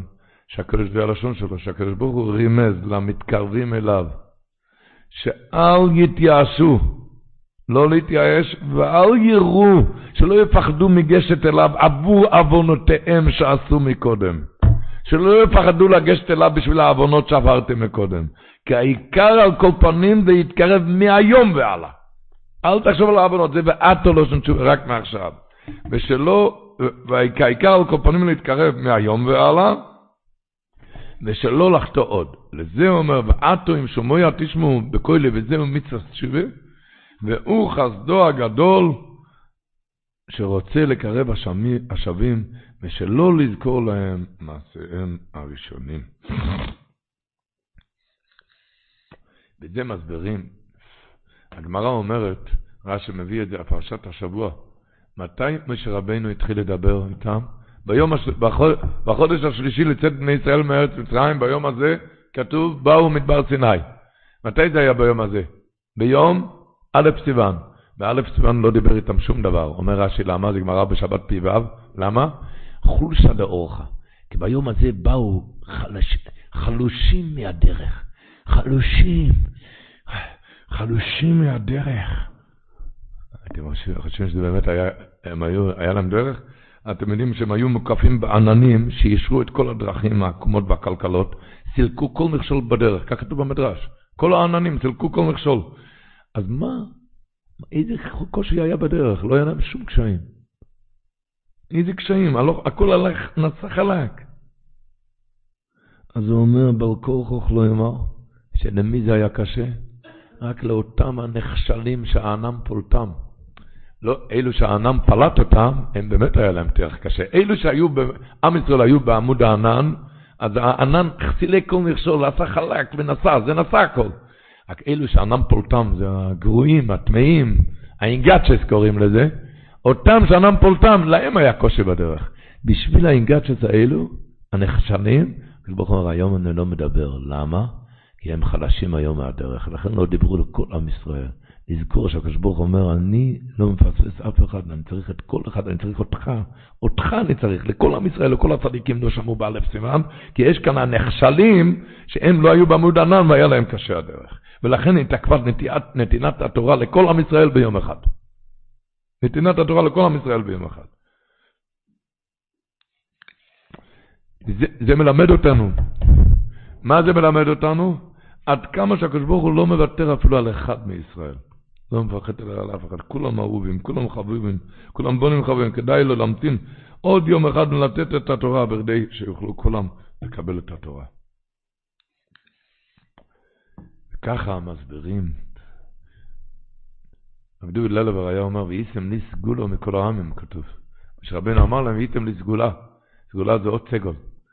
סגול זה משולש, נכון? איפה שתהפוך אותו נשאר סגול. איפה שתהפוך אותו נשאר סגול. זה יהודי. איזה מצב, יהודי הנשאר יהודי, הקדוש ברוך הוא מחכה עליך. הוא מחכה וממתין עליך. מה שמו השמה הוא בא? קריאת ים סוף ומלחמת עמלק, אומר רש"י, התחלת הפרשה, מה פירוש? אומר הרמסיים צויפים, הרבה מדברים על זה, מה שמו השמה הוא בא? מה נפל לך ברעיון, אתה קוימר. ישראל היה קוימר, הקראתי לפני את המדרש, קוימר לעבוד זו, אתם יודעים מה זה קוימר? איך נפל לך ברעיון שאתה יכול להתקרב לעם היהודי? אתה יכול להיות יהודי? מה שמו השמה הוא בא? איך נפל לך ברעיון שאתה יכול להתקרב? אתה יודע מה הוא שמע? הוא שמע קריאת ים סוף במלחמת עמלק, שהקדוש ברוך הוא לא מחפש ניצחונות, מחפש רק שתילחם. להילחם גם, גם אני יכול, כל אחד יכול. אם היה מחפש ניצחונות, לנצח את היצר הרע, לנצח, איך אני יכול, מי אני, מה אני. אם רק מלחמה, להילחם בו, להילחם בו כל אחד יכול. כל אחד, ימי השובבים, לוחמים בו בעמלק, להילחם. קריאת ים סוף, מה הוא שמע הוא בא? הוא שמע שיש מלחמת עמלק. הכוונה, איזה שמוע שמע יתרו, שממנו הבין שיש בכוחו להיות מבני ישראל, אתה תוכל לעמוד בקיום התורה? מה, כן? הוא שמע קריאת ים סוף, מלחמת עמלק. הקדוש ברוך הוא לא מחפש את הניצחון, מחפש את המלחמה. כל, כל יסוד היהדות זה מלחמה תמידית עם היצר הרע. וזה מסבירים גם בסוף הפרשה, הפסוק האחרון בפרשה שלנו, ולא תעלה ממעלות על מזבחי, רק מה היה צריך להיות? כבש. מה ההבדל בין סולם לכבש? סולם, כל עלייה ועלייה ניכרת, נכון? עלית עוד מדרגה, עוד מדרגה בסולם, זה ניכר כל עלייה. מה שאין כן, זאת אומרת, היית במדרגה נמוכה, התעלית, התעלית, עוד מדרגה, עוד מדרגה. אחד עולה בכבש, כמעט לא ניכר הבדל בין פסיעה לפסיעה. אומר הקדוש ברוך הוא, לא תעלה במעלות על מזרחי. אני לא מחפש ממך פציעות שניכרות. כל טיפה שאתה עושה, זה אצלי חשוב. אל תעלה במעלות על מטבחי, אני לא מבקש מכם עליות גדולות. תעלו בכבש, כל פציעה שאתה עושה, הבן אדם עושה עבור הקדוש ברוך הוא, יש לזה חשיבות רבה אצל אבינו בשמיים. וממילא אל להתייאש לומר, אין בכוחי לעשות הרבה. כי אין הקדוש ברוך הוא מבקש ממך, אלא לפי כוחך ומצבך. אם, אם ידך לעשות רק פציעה קטנה, תעשה את זה. אבל תתחזק, תתעלה, תתחדש, להתחדש. בזמני עלייה כבירידה. כמו שאמר הקוברינו, כתוב מיד אחרי מתן תורה, כתוב, ומוישה ניגש אל הרופל אשר שום אלוקים. מי שיודע יידיש, יודעים, הרופפל זה נפל. הרופפל זה נפל. אז הוא אומר, הרופל זה הרופפל. כשנפל אשר שם אלוקים, נפל ברוחניות, תזכור שם אלוקים, זהו רעכם מתן תורה. הקדוש ברוך אומר, אני לא מוותר על שום יהודי, על, על הערפל, הרוב פעל, נפל, אשר שם אלוקים בכל נפילה ומעידה, אדרבה, שם אלוקים מתוך נפילתו, הוא יתעלה עכשיו ביותר. איי, איי, איי, איי. ככה אומר הברדיצ'ה ברור הקדושס לוי. כתוב בפסוק השבוע, ואסור אסכם על כנפי נשורים, ואובי אסכם אלוהי. אז הוא אומר ככה, הנשר הזה, למה הוא נקרא בשם הזה? למה הוא נקרא נשר? בגלל שהוא משיר נוצותיו הישנים. משיר זהו נופל, נושר, נושר נוצותיו הישנים, ומתחדש בנוצות חדשים. כמו שנאמר, תתחדש כנשר נורייכי. ולכן, מה רש"י אומר תתחדש כנשר נורייכי, אומר רש"י? כנשר הזה שמחדש כנפיו ונוצה משנה לשנה. ויש מדרש אגדה, אומר רש"י, על מין נשר שכשמזקין חוזר לנערותו. אומר הקדוש הסליבי, זה הפרוש של אס אס כמה פעמים שואלים. הקדוש ברוך הוא לפני מתנתוירן נתן וטבע בעצמות נפשות את ישראל, את הכוח להתחדש תמיד כמו נשר. תמיד תתחדש מעכשיו. מי עכשיו? שמעתם כזה סיפור, רבינו אברבנאל, מתי הוא נהיה גדול? סיפור נוירו נורוס. מסופר שהרבר, בסדר הדויר הזה כתוב, הרבר בשלי פססבר היה ידוע שהוא עסק יומם ולילה בפדיון שבויים. להציל את אחינו בני ישראל מיד הפריצים. הם היו משליכים את המושקס, אתם יודעים מה זה היה? המושקס, היהודים שהיו שוכרים מהם את בתי המזיגה, אם לא היה להם כסף לשלם, שמו, שמו אותם בבורות עם מכות עד מוות. ורבי שלי פססבר היה עסוק במצווה הזאת, פגיון שבויים, לפדות אותם מהבור, בכסף רב, לא סתם. פעם הוא עסק פדה שבוי, והתברר לו שהפדוי הזה, הוא פדה כאן לא צדיק, גנב גדול שנתפס בגנבתו. הצטער המשלב פססר על הכוחות והזמן שהוא קילה עד שהצליח לבדות אותו. הוא לא ידע אם עשה מצווה או לא, אז הוא החליט, איך הוא ידע? הוא ידע מה בא עכשיו. אם עכשיו יבוא מצווה, אז מה מצווה גוררת מצווה. ומה היה? נקלע לפניו מיד עוד עסק של פדיון שבויים, ופדה אותו, אבל שוב התברר שהוא גם גנב. אבל הוא החליט, עם הגנב השני עכשיו לפחות, פדיתי אותו, אני אטפל בו קצת, נחזיר אותו למוטב. אז הוא אמר, הוא התחיל לדבר על לב הגנב, תראה איפה הגעת עם הגנבות שלך, תראה איפה הגעת. הושלכת לבוץ על מוות, היה פסע ביניך לבין המוות, אתה יודע, היו הורגים אותך אפילו. תראה לאיפה נפלת, מה קרה, תראה, תראה, תחזור בתשובה. אמר לו הגנב למשלם, רבה, מה קרה? הדור חפל, זה נפילה, נתפסתי בגנב, בגנבה על חם, נפילה, נו, ממשיכים הלאה. הפעם נכשלתי, תפסו אותי בשעת מעשה, אני אמשיך בשלי, בתקווה שפעם הבאה יצליח זממי בידי ולא יראה, לא שום דבר שנפלתי, אני אתחיל, פעם הבאה יהיה יותר טוב. אמר המשלב סאסבר שכל הסיפור, כל הפדיון שבויים, היה רק ללמד אותי את זה, לא להתפעל מנפילות, מתחדשים מיד. הרי הגנב התחדש עוד הפעם, נפלתי אני אתחדש עכשיו, נפלתי אני אתחדש עכשיו. זה היה הלימוד, הלימוד, את זה הייתי צריך לשמוע, להתחדש, להתחדש, תתחדש כנשר נעורייך.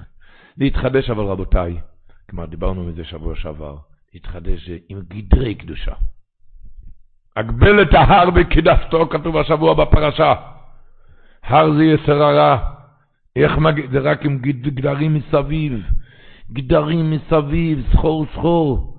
כתוב, והרבה, יש כאלו שאומרים את זה בשם הגאון מווילנה, יש כאלו שאומרים, זה כתוב בגבור סרי בסוף הספר, שהגבל את ההר, הפירוש הוא, תיקח את, הר זה יצר הרע, אבל תיקח את ההר, את שתי האותיות האלו, תסבוב אותם מסביב. מה פירוש מסביב? אות לפני ה', מה זה ד'?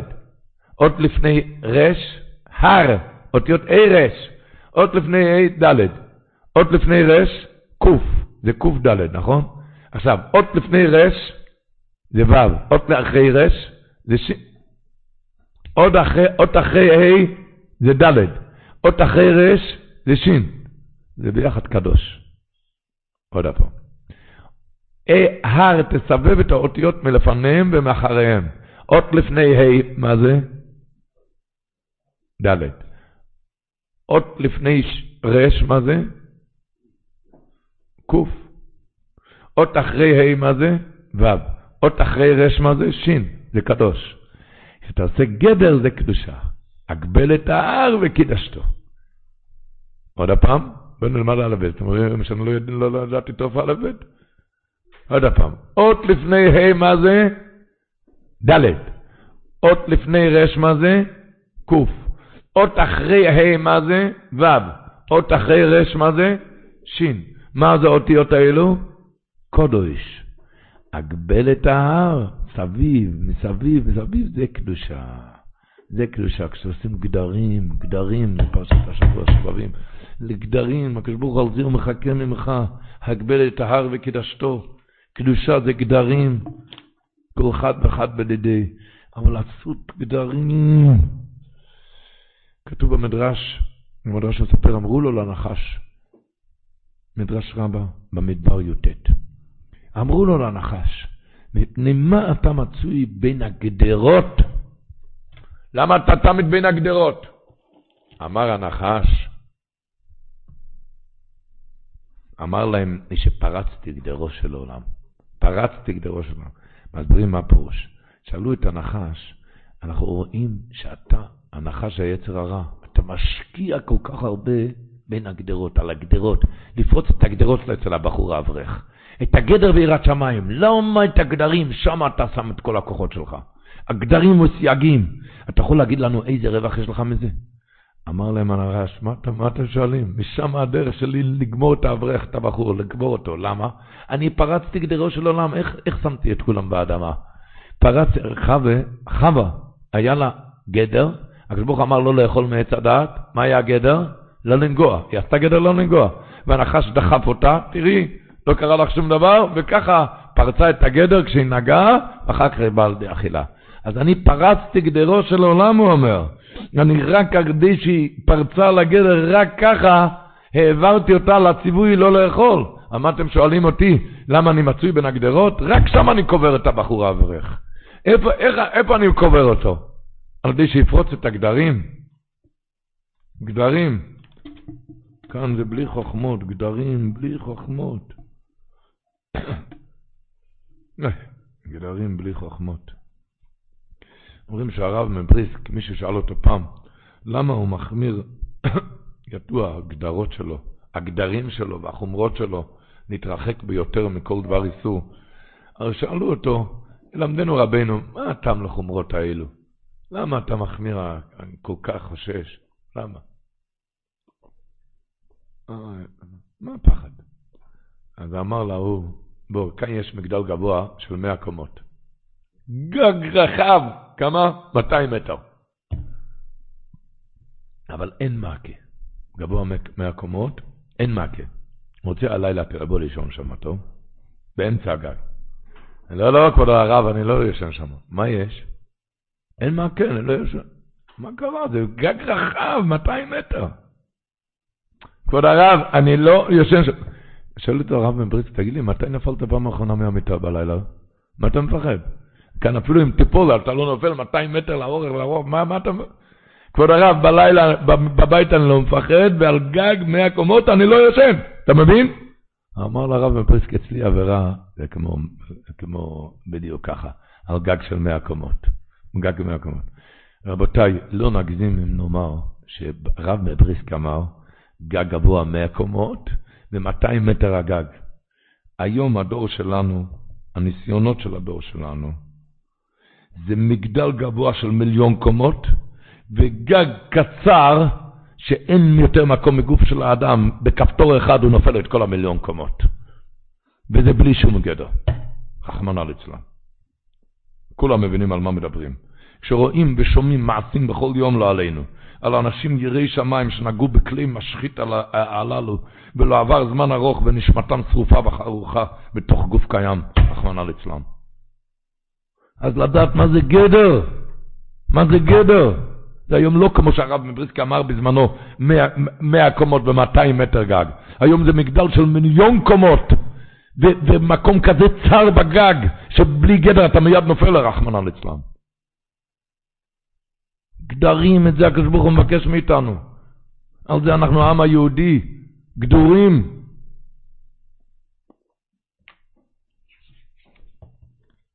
מבינים טוב טוב על, על, על, על, מבינים טוב טוב על מה מדברים. מה זה גדרים?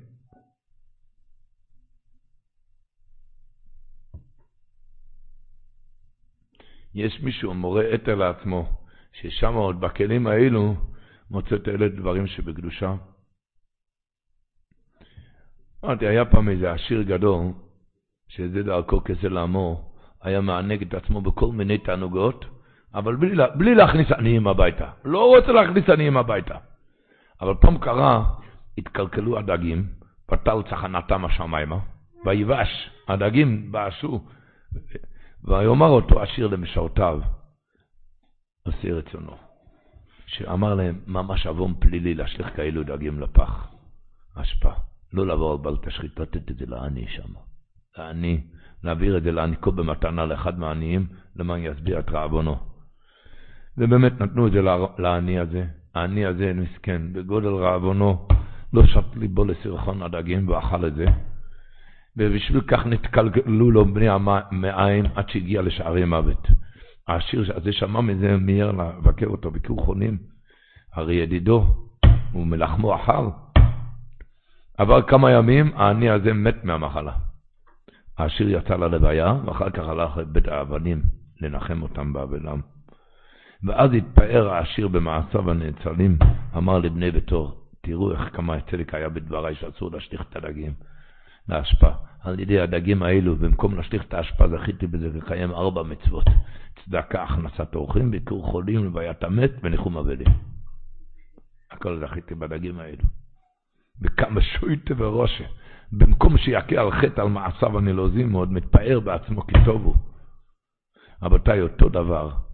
אנחנו נהנה ונאמר לאלו שמצטדקים בהוראות אתר, שמתפללים על די הכלי המשחית הזה. ועל די הכלי המשוקץ הזה, הם עוד אומרים שם תהילים. אפילו אומרים שם את הסדר הסליחות, הם אומרים שם בכלים האלו. במקום להשליך נבלה זרוחה זו להשפעה ולקיים מצוות וביערת הרע מקרבך, השלום על נפשם שצדיקים גמורים הם, מקיימים מצוות רבות בדגיר מקלקלים וזרוחים.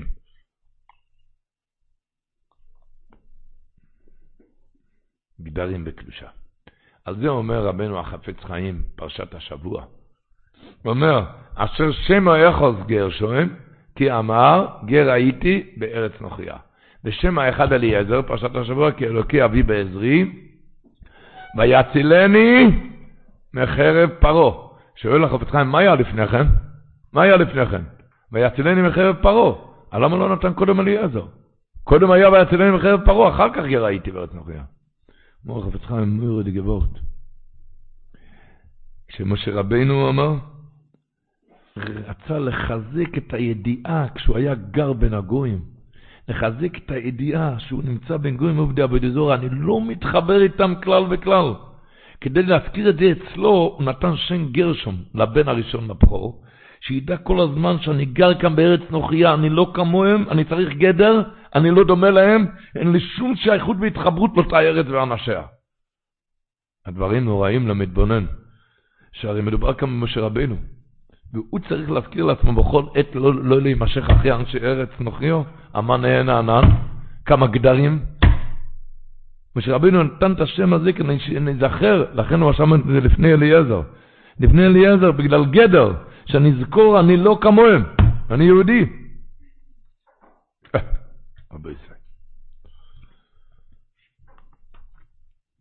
השבוע גם כתוב בפרשה, ישראל אומר למשה רבינו, והודעת להם את הדרך, ילכו בה.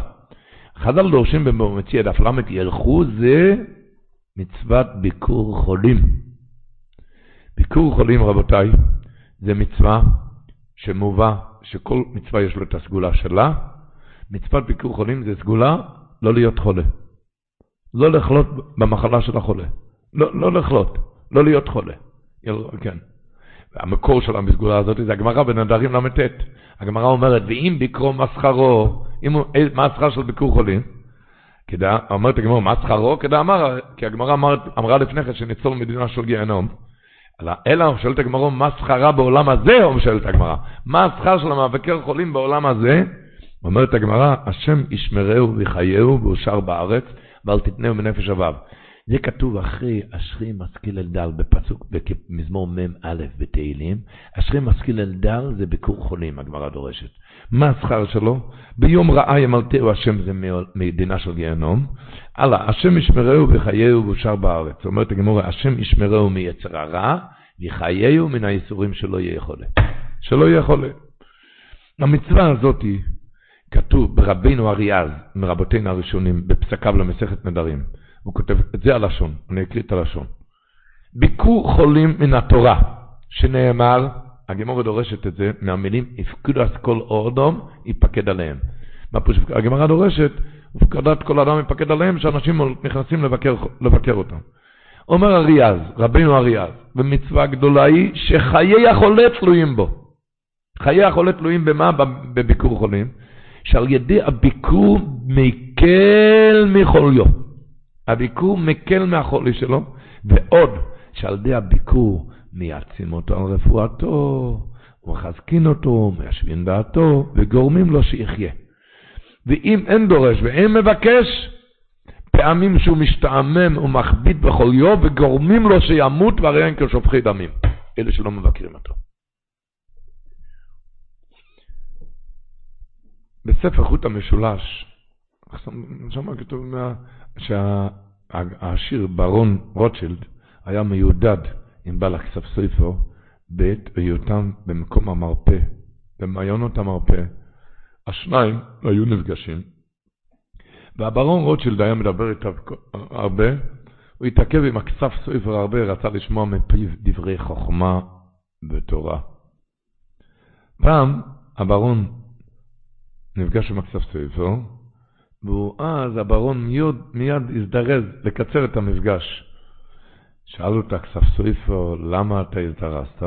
אז אמר לו הברון, ראיתי שהרב לא בקו הבריאות, מיהרתי להיפרד ממנו לשלום, והוסיף הברון ואמר, שחז"ל דורשים ועדת עולם את הדרך, ילכו, זה ביקור חולים. למה ילכו? חז"ל מרמזים, לפעמים המבקר את החולה, לפעמים יש כזה זמן שהוא מכביד ומקשה עליו בעצם בביקורו. אין מפת חולשתו, אין משום שהחולה לא רוצה שיראו את מצבו הירוד. במקרה כזה, לקיים את ה... ילכו ללכת ולא להתעכב אצל החולה. אדרבה, על ידי הילכו, מקיים מצוות ביקור חולים. הכסף ספר היה מקלס את הדברים ומוסרם בשמו של אברון. אבל רבו ישראל, תשמעו טוב, נקריא קצת מראשון מה שכתוב, קצת, טיפה. הרמב"ם כותב בספרוי הנוגה סבריוס בכסב יד, זה הובא בעיניים למשפוט בנדורם ל"ס. תשמעו לשון של הרמב"ם בכסב יד. מה זה ביקור חולים? הוא כותב, לספר לחולים סיפורים משמחים שירחיבו את נפשו וירחיבו את ליבו. ולחדש חידושים שיסיחו את דעתו ויצחק עליהם מהם. שיתחיל לצחוק, שיסיחו את דעתו ויצחק עליהם מהם, ובכל חברותו. ויבחרו לשמשו ולעמוד לפניו מי שישמח בו. כל זה מחויב בכל חולי. נשאם ישראל, יש היום אנשים שהולכים במסירות נפש בערבי שבתות, בימות השבוע, הולכים, הולכים, משמחים, בכלי זמר אפילו, בבתי החולים. אה, הוא ממשיך הלאה, הרמב"ם, ואומר ככה, החולה ישוחח עם אשר שיחתו נאה לו. יש כאלו שזה לא נאה לו והם צריכים לעשות מיד את מה שדיברנו לפני כן מהברון, ילכו. אבל החולה ישוחח עם אשר שיחתו נאה לו, וזה הראוי ביותר. כלומר, השיחה עם האדם שהוא דורש בשיחתו. האדם שהוא נהנה ממנו. אין בכלל דבריו המעדנים והמנימים, אין בכלל שכלו השנון קלות בערכי מחשבותיו, כי כל זה, אומר הרמב"ם, מרחיב לב ומפיח את המחשבות הקודרות. זה מסלק את המחשבות הלא טובות.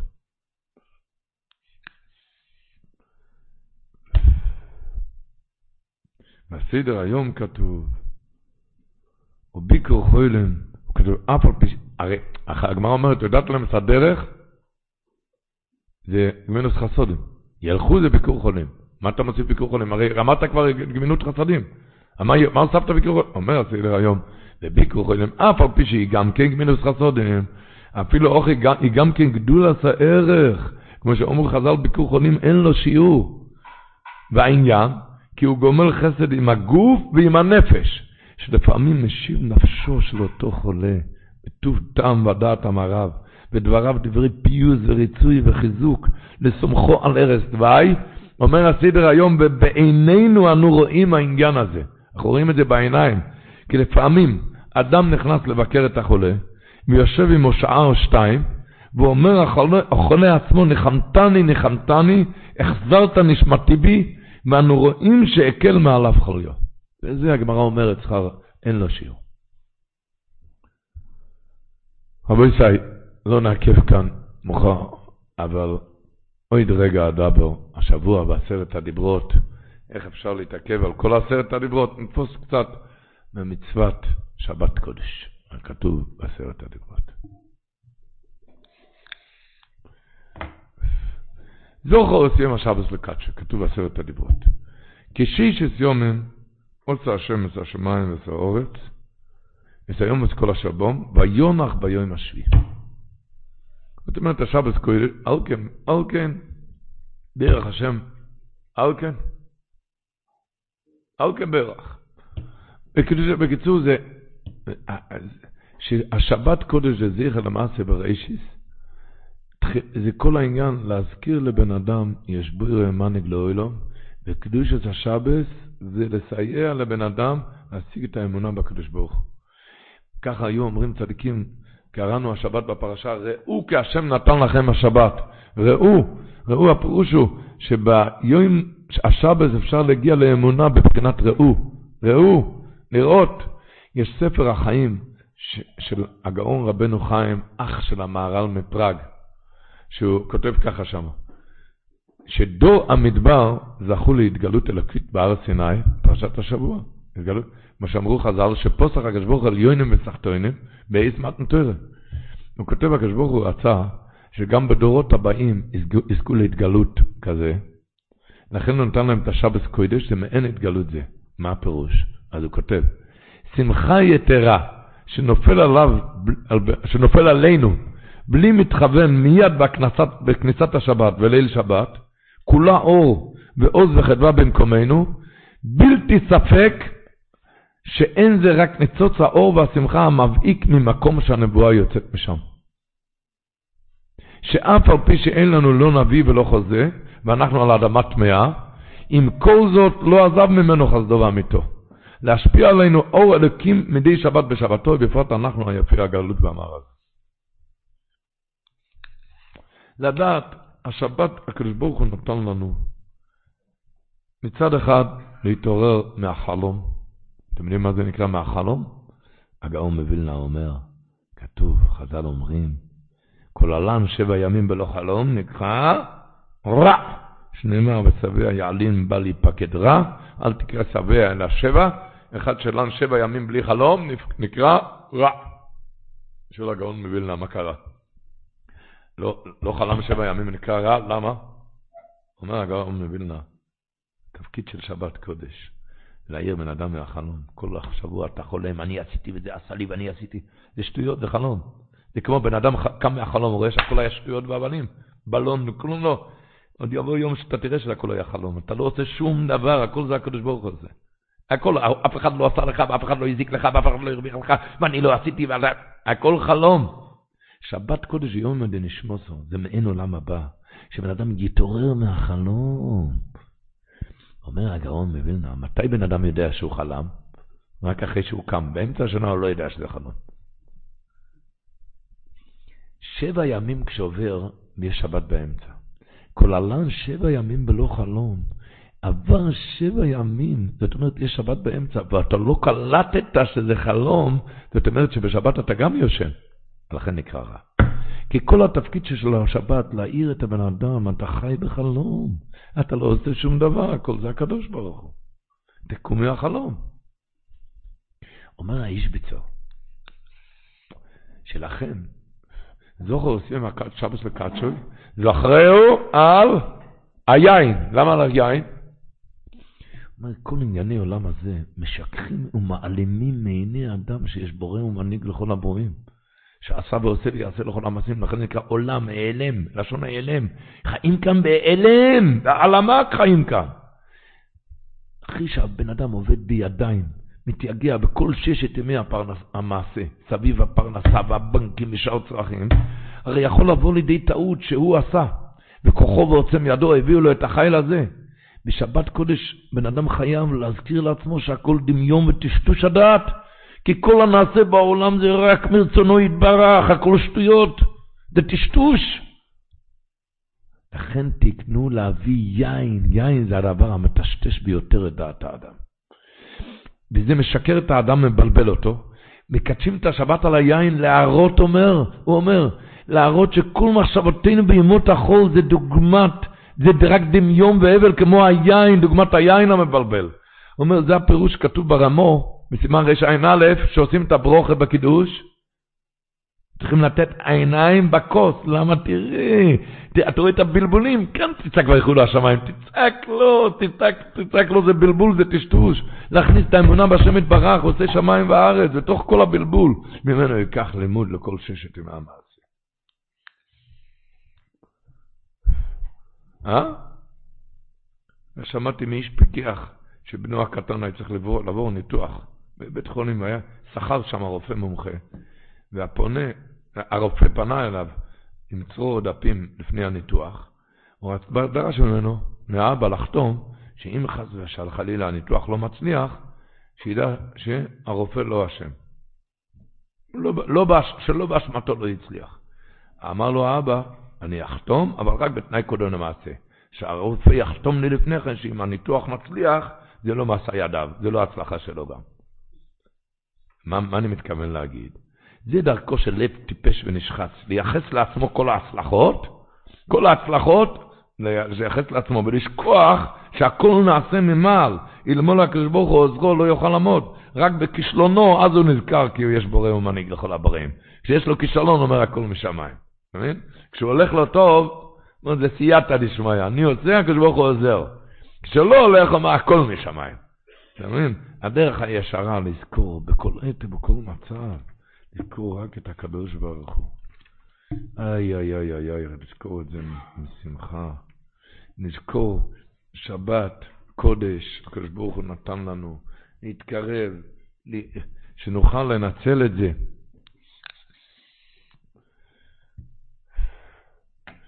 חז"ל אומרים, רש"י אומר, ששת ימים תעבוד ועשית כל מלאכתך. אומר רש"י, כשתבוא שבת, יאה בעיניך כאילו כל מלאכתך עשויה, שלא תערער אחר המלאכה. אל תערער על מצב הבנקים בשבת, לא לערער. לא לערער. הכל יהיה כל מלאכתך עשויה, כאילו זה הכי טוב. הכי טוב. האל רבי בסימן רמ"ב, סעיף קטן ג' אומר, למה הגמרא אומרת, המענג את השבת, נותנים לו משאלות ליבו. אנחנו יודעים כל מידותיו של הקדוש ברוך הוא מידה, מידה כנגד מידה. מה, מה נגד השבת נותנים משאלות ליבו? מה זה מידה כנגד מידה? זאת אומרת, להלכה, דיבור אסור. אסור לדבר דברי חול בשבת. הרהור מותר, מותר לערער בלב מה המצב, כן? בא מה נגד השבת, הוא לא רוצה אפילו לערער. רוצה לכבוד שבת, לא לחשוב על זה אפילו. הוא לא רוצה לחשוב, עכשיו שבת הכל בסדר. הכל בסדר? לא, אפילו אני יודע שהכל באדמה, לא, עכשיו שבת הכל בסדר. נותנים לו משאלות ליבו שבאמת יהיה הכל בסדר. זה המידה כנגד מידה. זה בכל דבר שהוא. בן אדם לא רוצה לחשוב על זה בשבת, אז הכל יהיה בסדר. עד כדי כך. חז"ל אומרים, הנכנס לבקר את החולה, אומרים חז"ל, אומר, שבת עם לזעוק ורפואה קרובה לבוא. רבי מאיר אומר, שאיך אומר? יכולה היא שתרחם. אומר רש"י הקדוש לשון הזה, יכולה היא שתרחם אם תכבדוה מלהצטער בה. אם אתה תכבד את השבת מלהצטער בה, השבת יכולה לרחם ולרפות אותך. אני אקריא לכם לשון שהשם שמואל מביא, שהוא שמע את זה מאבא שלו, אבני נזר. תשמעו לשון. שמידה זו, תשמעו טוב, שמידה זו נוהגת בכל ענייני האדם, בכל מיני צער שיש לבן אדם, כל מיני צער. אפילו מי שיש לו חולה בתוך ביתו, רחמנא ליצלן. אם אפשר לו שיתאפק ולא יצטער ולא יהרהר בעגמת נפשו בשבת, בוודאי שיתרפא. בלי שום ספק. עוד פעם. שמידה זו נוהגת בכל ענייני האדם. אפילו מי שיש לו חולה בתוך ביתו, רחמנא ליצלן. חולה, רחמנא ליצלן. אם אפשר לו שיתאפק ולא יצטער ולא יערער בעגמת נפשו שלא יחשוב על זה בכלל בשבת, בוודאי שיתרפא. כאומרם ז"ל, יכולה איש שתרחם. וכלשון רש"י, יכולה איש שתרחם, אם, תרח, אם תכבדו אמן יצטרבה. מה, אתם יודעים מה זה מידה זו נוהגת בכל ענייני האדם אשר מתחיל? זה הפירוש לא מדברים דווקא לחולה, גם לשאר מיני צער ומדווה. אחד מסובב בחובו, תן לו יום ולא לילה. אם הוא יתאפק ולא לא יצטער, לא יחשוב על זה בשבת, יהיה לו את הישועה. היה אבא שלי, זכרונו לברכה, ייבדל לחיים. זה היה לפני 45 שנה. גרו בשתי חדרונים קטנים, תשע נפשות.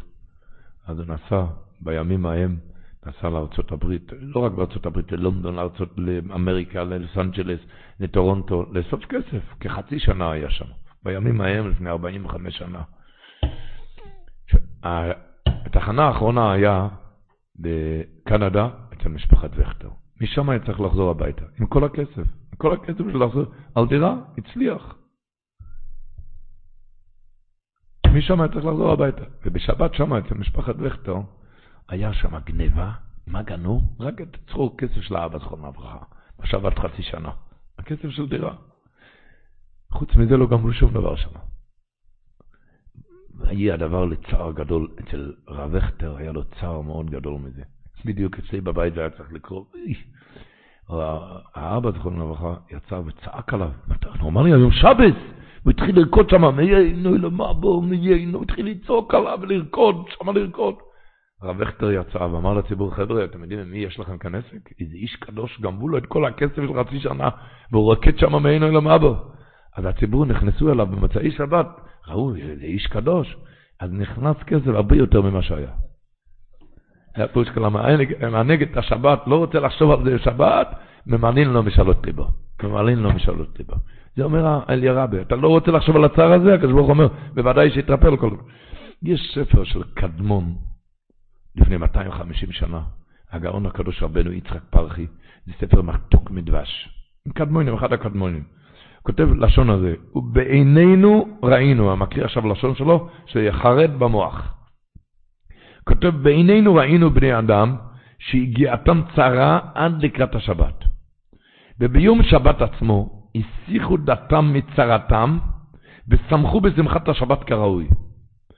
הם לא, ולא הכניסו עצב ודאגה בליבם על צרתם. וזכו שאבלם נפח להם לששון ונשאו מצרתם בנס ופלא. למה? כי לא חשבו על זה בשבת. מויר דגדושן, הוא כותב על זה בעינינו ראינו. בעינינו ראינו בני אדם שהגיעתם צרה עד לקראת השבת, וביום שבת עצמו הסיחו דעתם מצרתם, ושמחו בשמחת השבת כראוי, ולא הכניסו עצב ודאגה בליבם על צרתם, וזכו שאבלם נפח להם לששון, ונושעו מצעתם בנס ופלא. המנורת המאור בחלק ב' פרק ח' מביא על זה סיפור נורא. שמה? סיפור נורא, מנורת המאור. כותב שהיו שתי ילדים בגיל עשר תאומים נפלו לבור, פעם לא היו מנוף ולא היו אמבולנסים, נפלו לבור, מתו, גנדיק, מתו. האבא שלהם היה בבית כנסת, האימא הייתה בבית, כשאבא הגיע היא לא רצתה לספר לו. לא, היא לא סיפרה לו, נתנה לו סעודת שבת. אחרי שאכלו ושתו, האמא אמרה לאבא, אם רצונך, אומר לך דבר. אם אתה רוצה, יש לי משהו לספר לך. אז הוא אמר לה, אמרי, תספרי. אז היא אמרה לו, מישהו הפקיד אצלי לפני עשר שנים שתי כתרי זהב על עשר שנים, והוא רוצה את זה בחזרה, שאני אחזיר לו? הוא אמר לה, ודאי, תחזירי. אז היא אמרה לו מיד, שתי בניך והכתרי זהב נפלו לבור ומתו. ועטו, ועכשיו, תן כבוד לקונך, ולא נחלל את השבת, ולא נצטער בשבת, ולא ציירו עצמם בשבת. בשבת לא חשבו על זה. לא חשבו על זה. אומר המנורת המאור, כיוון שהחשיך, נהיה מוצאי שבת, עלו על שפת הבור להוציאם ולקוברם, להוציא את הילדים. ובזכות שלא ציירו עצמם בשבת, עלו חיים מן הבור לשלום. עלו חיים.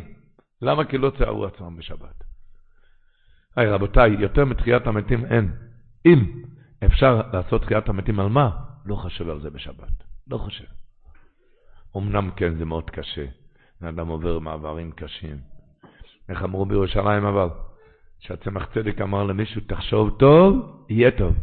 אמרו בירושלים, אל תחשוב כלום, יהיה עוד יותר טוב.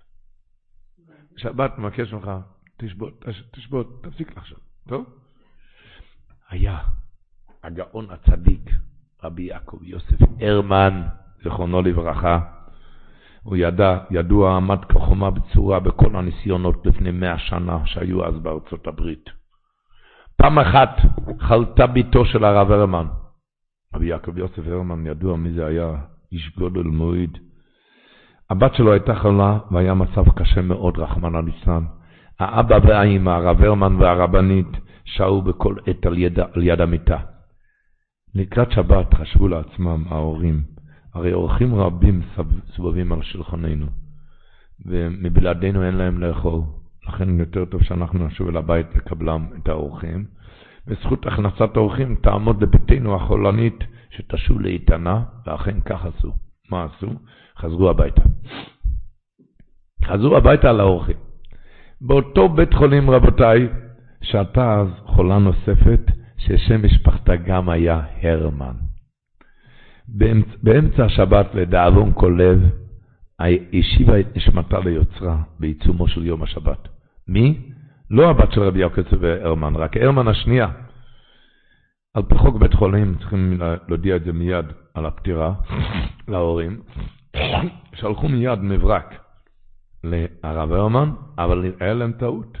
החליפו הרמן בהרמן, שלחו את זה לרבי יעקב יוסף הרמן, את המברק. כשהגיע השליח, השליח של הדואר עם המברק, הוא ראה שרבי ינקב יוסף והרבנית עומדים על המשמר, לא מסכימים לקבל שום מכתב בעצם השבת, בעצם יום השבת. יהיה מה שיהיה, יהיה מי ש... ממי שיהיה, ויהיה בעניין מה שיהיה. אנחנו כאן לא מקבלים מברקים בשבת, בשום פנים ואופן. בקיצור, גיסתם גר על ידו, אז המברק, הכניס את המברק לבית גיסתם. ההוא ראה מה שכתוב שם. גיסה, גיסתם ראו, ומיד נעלמה דום, מיהרו לבית ההורים, למשפחת הרמן לבשר להם, אבל גם להם, משפחת אמרו, בשום פנים לא רוצים לקבל את המכתב, והם ניסו לרמז, לספר להם מה שכתוב במכתב, לא רצו לשמוע. עכשיו שבס לא מקבלים מכתבים בשום פנים ואופן. מיד במוצאי שבת הגיע מברק בהול מהנהלת בית החולים, ובו נכתב, הננו מתנצלים עמוקות על הטעות שהייתה לנו, שהחלפנו הרמן בהרמן, בתכם חיה וקיימת, מצבה משתחרר, משתפר, ובקרוב תשתחרר הביתה. הרב הרמן שמע את זה, שמעו, אז הוא הסביר שהיה פירוש אומרים באישנס, אומרים, אישנו יושבס וממתנס עד כלות השבת. אז הוא אומר, אוף, תמיד זה היה קשה לו, מי ממתין עד שיגמר השבת? אז הוא אמר, הכוונה היא מה שאני עשיתי. יושב וממתין, הוא לא רוצה לשמוע שמועה רבה, שמועה רעה, מתאפק מלשמוע, שלא לקפל טלגרמו, לא רוצה לשמוע שמועה רעה. אז הקדוש ברוך הוא משלם שכר, שכר טוב לרעיו.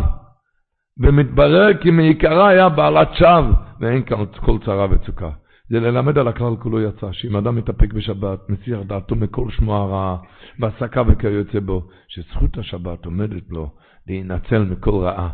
אתם יודעים בזמר של כוח סוף, כוח סוף נועם שבס. אומרים אחר כך בקטע השני, היה הווה ושמור שמרים ומצפים, נכון? למה לא אומרים ויהיה? היה הווה ויהיה. אומרים בשבת קודש אין מקום ליהיה, אין מקום לשום דאגה מה יהיה. בשבת רק היה, לא, לא חשוב מה יהיה. שהשבת, הקדוש ברוך זאת ועוד. ובלי דאגות, יודעים, אורח, רבנו האור החיים הקדוש אומר, שכתוב השבוע, כששת ימים עשה השם את השמיים ואת הארץ. אומר האור החיים, שלמה כתוב כששת ימים, לא כתוב כי בששת ימים? אז הוא אומר יסוד ידוע, שהקדוש ברוך הוא ברא את העולם רק על שש ימים. השמירת שבת של שומרי שבת נותן כוח לעוד שש ימים. שבת אחד בלי שומרי שבת, העולם מיד חרב. בזה מסביר רבנו האור החיים הקדוש בפרשת בראשית, בפסוק ויחולו. הוא מסביר שמה שזה הפירוש, חז"ל אומרים, כל האומר ויחולו, נעשה שותף לקדוש ברוך הוא מעשה בראשית. הוא אומר, מה זה נעשה שותף? אחרי שיש בריאה כולה, אתה יכול להיות עכשיו שותף? כבר יש בריאה עומדת, עומדת כאן בריאה שלמה. עכשיו אתה, עכשיו אתה נהיה שותף? אבל על פי היסוד הזה זה פשוט, למה? כי בלי השומרי שבת, בלי הוויכולו שלנו, אין עולם. רק הוויכולו שלנו זה נותן כוח שזה יעמוד עוד שש ימים. אז אני בפועל אני נהיה שותף. למה? כי השבת שלנו זה נותן את הכוח שיעמוד עוד שש ימים. רבותיי, כששואלים על מישהו, שותף באיזה בניין מרכזי, מסחרי מאוד גדול. שואלים, תגיד לי, בכמה אחוזים הוא שותף שם? מה התשובה? כמה אחוזים הוא השקיע שם. כשאתה רוצה לדעת כמה אתה תהיה שותף בבריאה כולה של שבוע הבא, כמה אחוזים אתה משקיע בשבת. שבת יעשה כולו תורה. שבת, יש כאלו שגומרים בליל שבת את התהילים, ראיתי כתוב שאחד שגומר תהילים בליל שבת, מוכרח,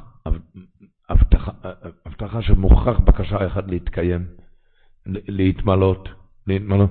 ומהשבת יעשה כולו תורה. החזון איש מביא שאם גוי היה יודע מה זה טעם של ללמוד דף גמרא לפני התפילה ושבת בבוקר היה מתגייר. אולי כולנו נתגייר. העם היהודי.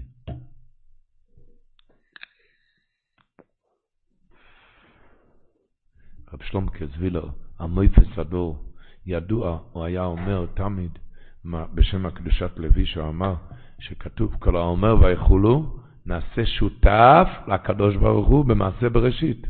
כלומר, לפני קידוש כל אחד יכול לפעול כל מה שהוא רוצה. למה? נעשה שותף, שותף יש לו דעה בכל הבריאה. אני שות... אפילו שותף בכמה אחוזים, אחוזים קטנים, יש לו דעה בכל הביזנס. עכשיו אני שותף, יש לי דעה. אבל גם בנוסף לזה, זה זמן תשובה. אתה נהיה שותף. היה מספר, רבי צחיק אלביאנו, היה אדמו"ר מבויאן, מילא את מקום אביו, האדמו"ר הזקן מסדיגור, הבן של אריז'ינו. אז בטיש הראשון שהוא ערך, אחרי פטירת הסתלקות אביו הקדוש, כשנכנס לטיש, אז הוא חגר את האבנט, הוא חגר טוב את הגרטל, חיזק את הגרטל ככה לפני קידוש, ככה סיבב את הגרטל. אמר, כשיהודי מתבונן עם מי הוא הולך עכשיו לעשות שותפות, ומה הוא מכניס ומשקיע בשותפות, אז הוא רואה שעליו לחגור, לחגור את, את עצמו, להתכונן היטב לקראת מה שהוא עומד לעשות. זה גיט לנו אומרים את זה ביידיש. לדעת, כשאתה רוצה עם הקדוש ברוך הוא שותפות, אומר הקדוש ברוך הוא, זה היום שלי, בוא, בוא איתי עכשיו השותפות. עכשיו תעשה איתי שותפות. מסופר של בלה, אצל בעל ישמח ישראל מאלכסנדר נכנס יהודי לבקש ברכה על החנות שלו, שירוויח, יעשה רווחים ולא הפסדים. הישמח ישראל מאלכסנדר ידע שה, שהיהודי הזה מחזיק את החנות פתוח בשבת. והחליט, אני אגיד לו לסגור את החנות, לא ישמע לי. למה? אני אגיד, זה מביא הרבה רווחים בשבת, ואיך אני אסגור? הלך ישמח ישראל ברוב חוכמתו, שאל אותו, תגיד לי, אתה רוצה להכניס אותי שותף בביזנס, בחנות? הוא אמר, ודאי, הרבי ייכנס שותף, השותף הרבי ודאי יהיה ברכה, ברכה גדולה, זה יהיה מיליארדים. אתה רוצה אותי? כן, ודאי. בבקשה. וכמה? הוא שואל אותו, אני אשמח ישראל. הוא שאל את האדמו"ר, נו, בכמה? כמה הרב רוצה? הוא אומר, אני רוצה שביעית, חלק בערך 15% מהביזנס. ודאי, בבקשה. הוא אומר לו, מרצון, אל תגיד לי בבקשה, אני רוצה, זה כתוב וחתום בזיכרון דברים, חוזה קוראים לזה. עושים חוזה, 15% זה שלי, זה שביעית, חלק שביעית זה שלי. ואומר לו, מר ישראל, בוא נחלק את זה לימים, טוב? לימים. שש ימים זה שלך, יום שביעי זה שלי. כן? יפה. חתמו על החוזה. אמר לו יצחק טול, שמע, יום אחד זה שלי, שש ימים זה שלך, שבת קודש זה שלי, שבת זה נעול על מנעול החנות, שמעת? זה שלי. שלי, היום השביעי זה נעול. וכמובן הברכה הגדולה ששרת אחר כך בחנות. למה? ישמח ישראל היה שותף, השבת היה שותף. אה? זה אומר הקדוש ברוך הוא לעם ישראל בפרשת השבוע. ששת ימים תעשה מלאכתך, יש לך שש ימים ביזנס. אומר הקדוש ברוך הוא, אתה רוצה אותי שותף בביזנס? לא את הישמח ישראל, את הקדוש ברוך הוא, אתה רוצה אותי שותף? תזכור, יום השביעי שבת לשם אלוקיך. יום השביעי יעשה כולו תורה. אנחנו שומרי שבת, אנחנו לא מחזיקים את החנויות פתוחים. אני מדבר שבת להשם אלוקיך. תתן לנשמה בשבת. תן לנשמה בשבת, יום השביעי שבת להשם אלוקיך. זה יביא לך את ההצלחה בביזנס בכל השבוע. זה יביא לך את ההשראה, את הברכה בכל השבוע. יום השביעי זה שלי. יום השביעי זה שלי. איי, איי. רבי שמעון כל הזמן אומר את זה בזוהר הקדוש. כל ברכאן דלעילא וצאתא. כל הברכות זה ביומה, ביומה שביעה טליה. אתה יכול כל השבוע לעמוד שבע שעות בתור לבקש ברכה. כל הלשון. זמן של ברכות זה בליל שבת בכל העולם. זה שבת, ליל שבת, יום שבת. זה זמן של ברכות. כתוב בסידור, רבי ינקה ועמדין, הוא אומר, שלמה מברכים ילדים בליל שבת? כי בליל שבת בתפילה, ואחרי התפילה, יורד ים של ברכות. ילדים לא יכולים לתפוס את זה, צריכים לברך אותם. זה לימוד קצת אלינו הגדולים, לדעת, לפתוח את הלב, סבנו מטבעך. לפתוח את הלב, לפתוח כלים, כלים לברכה. כלים לברכה. זה תלוי מה אתה עושה עם זה. כי המגיד מדונה סיפר שהיה פעם יהודי אחד, עני, נכנס לרבי, ביקש ממנו ברכה, שיש לו עניות בבית, אין לו כסף. שואל אותו, הביזנס לא הולך, לא הולך הביזנס, מה יהיה? שואל אותו הרבי, יש לך משהו דמי חיסכון? כן, חסכנו פרוטה לפרוטה, דמי חיסכון לעת זקנותינו, שיהיה לנו משהו, כמה לירות. אמר לו האדמו"ר, תשמע, תפתח את דמי חיסכון, תעשה איזה ביזנס, ואני מברך אותך ומבטיח לך שהביזנס הראשון יצליח. חזר הביתה היהודי הזה בשלוש בלילה מהאדמו"ר, העיר את הרבנית שלו, ואמר לה מיד, מיד, הוא רוצה עוד עכשיו להוציא את הדמי חיסכון. שאל אותו, מה קרה? אמר לה, הרבי הבטיח שהביזנס הראשון יצליח, מיד הרגע, הרגע, מיד להוציא את זה. מיד. היא הסתכלה עליו כמו אחד שנשתבשה דעתו, מה אתה רוצה? לך לישון. הוא צעק עליה, איתך. הביזנס, הרבי הבטיח הביזנס הראשון. היא אמרה לו, תעשה דבר, קח כדור ולך לישון, מה אתה רוצה? הוא בירך אותה, והיא קיללה אותו, ונהיה שם שמח. הוא חזר לרבי וסיפר לו, אז אמר לה, שהיה כאן מריבה בבית, מיד על המקום. כן, לא, אז אמר לו הרבי, זה היה הביזנס הראשון שהצליח. המריבה. אז הוא אומר כך, אומר לדוד המאגי, תשמע טוב. שאלת לא תהיה, לא יהיה לך טעות. במדרש כתוב ברכת השם היא תעשיר, זוהי השבת. אין זמן אחר לברכות. זמן של ברכות זה השבת. תלוי מה אתה תעשה בזה. אם שבת תהיה אצלך תורה ותפילה, תתפלל, יום מנוחה וקדושה, עם תפילה, לדבר עם הקדוש ברוך הוא, אז זה יהיה הברכה. אם הביזנס שלך זה העפולה, שם הגרעיני עפולה והדברים האחרים, אז זה יצליח. השאלה היא איפה אתה משקיע. שבת זה ברכת השם מתעשיר, במה זה, כמו ששם היה, הביזנס הראשון הצליח, זה באמת הצליח, אצלו היה מריבה, הצליח. זה היה הביזנס הראשון שלו, המריבה. תלוי מה אתה תעשה עם השבת, זה הביזנס, שבת זה הברכה. שבת כמו שהוא הבטיח לו, הביזנס הראשון הצליח, כן? תלוי מה, איזה ביזנס הראשון. כאן גם ברכת השם היא תעשיר, זוהי השבת, השבת מביא הברכה. מה אתה תעשה בזה? זה, זה יצליח, בוא נראה מה אתה עושה עם השבת. כמו שהוא מספר עוד סיפור. המגיד מדובנה. הוא אומר שהיה אחד שהיה צריך לעזוב את העיר שלו, את המדינה שלו, בגלל... היה צריך לעזוב, ועזב. והוא הגיע למדינה אחרת, והוא מספר, הגיע למדינה אחרת, ושמה לא היו שיירות מצויות, היה רחוק מארץ מולדתו. ומאוד התגעגע, רצה לדעת מה נשמע שם. הגיע איזה משולח פעם, הגיע איזה משילח פעם, משולח לאסוף כסף. משולח הגיע לאסוף כסף, הוא הגיע לארץ שמה, אז הוא התחיל לעצור אותו, או, מה נשמע שמה? מה נשמע עם הרב שמה? שי, ומה נשמע עם הגבאי שמה? מה נשמע שמה עם המכולת שמה? והוא אמר לה, משלח, תעשה לי טובה, מה, אולי אתה מפסיק עם השאלות שלך, אתה לא יודע, אני באתי כאן לא לדבר, באתי כאן לאסוף כסף. תן לי, אתה יודע כל דקה אצלי איזה כסף. אבל ההוא העשיר הזה, רצה לשמוע מה נשמע בארץ מולדתו. אז אמר לו, תגיד לי, כמה אתה עושה לשעה? 500 דולר? קח 500 דולר ותשב איתי. אני רוצה לשמוע שעה, אני רוצה לשמוע מה הולך שם אצלי בארץ. התחיל לדבר איתו על אוב, על דו, על כל הדברים. ובאמצע הוא אומר לו, המשולח אומר לו, אני רואה שאתה כזה בן אדם טוב, נתת 500 דולר, ואתה נותן לי עכשיו לישון חצי שעה, בלי, בלי טרטורים. אז אמר לו, אני לא מבין אותך, אמר לו, למה נתת לך 500 דולר? למה נתת לך? כי אני רוצה לדבר איתך. אני צריך לשמוע מה נשמע בארץ מולדתי, על פלויני ועל אלמויני. אתה רוצה ללכת לישון? על זה, על זה נתת לך את הכסף? אומר הדובנה מגיד, הקדוש ברוך הוא בא ביום השבת אלינו, רוצה ויכול להיות איתנו, כדי שנוכל להתקרב אליו ביום זה. משפיע עלינו ברכות לרוב. לכן ציווה עלינו על איסור מלאכה. למה? כי הקדוש ברוך הוא רוצה להשתעשע עמנו, שנבוא לידי דבקות בו יתברך שמו. אותו כסיל לוקח לעצמו את הזמן. לגרעינים ולישון. אז מה, מה בהיכל המשולח הזה שהוא מבקש ממנו, רוצה לישון חצי שעה? אה? אני לא מבטל את זה, זה עונג שבת. נו, אני לא מבטל את זה. אבל איך מישהו שאל, הגאון מווילנה אומרים, הוא אמר שינה בשבת תענוג, באמת צריכים לישון, ובאמת צריכים לנוח, זה יום מנוחה וקדושה.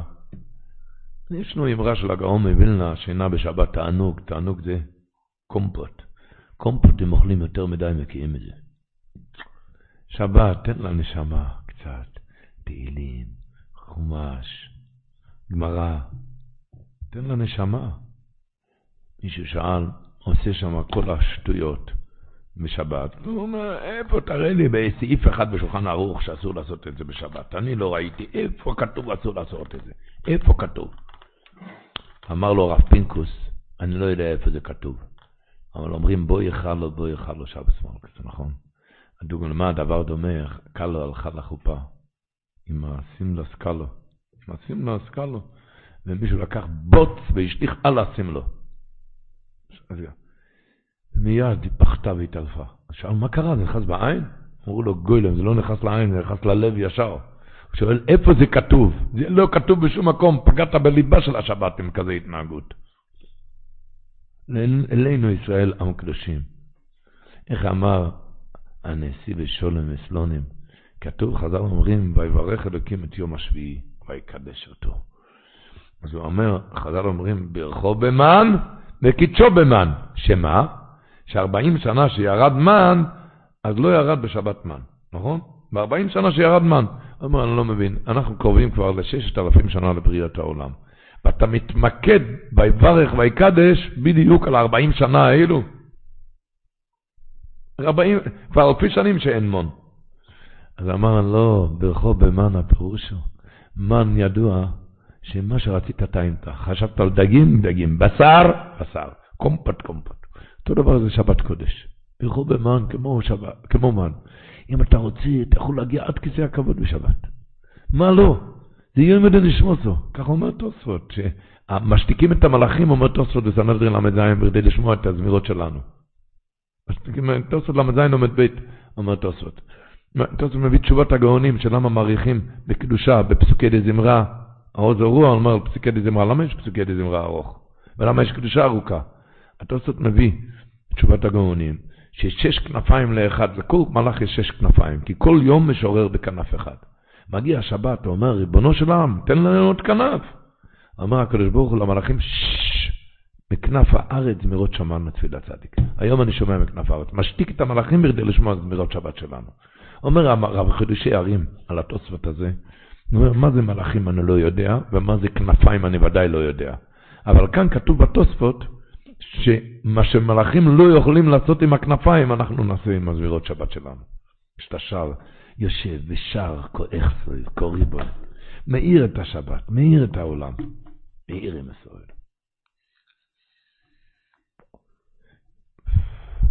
כבוד שבת ראשי תיבות, כבוד שבת ראשי תיבות.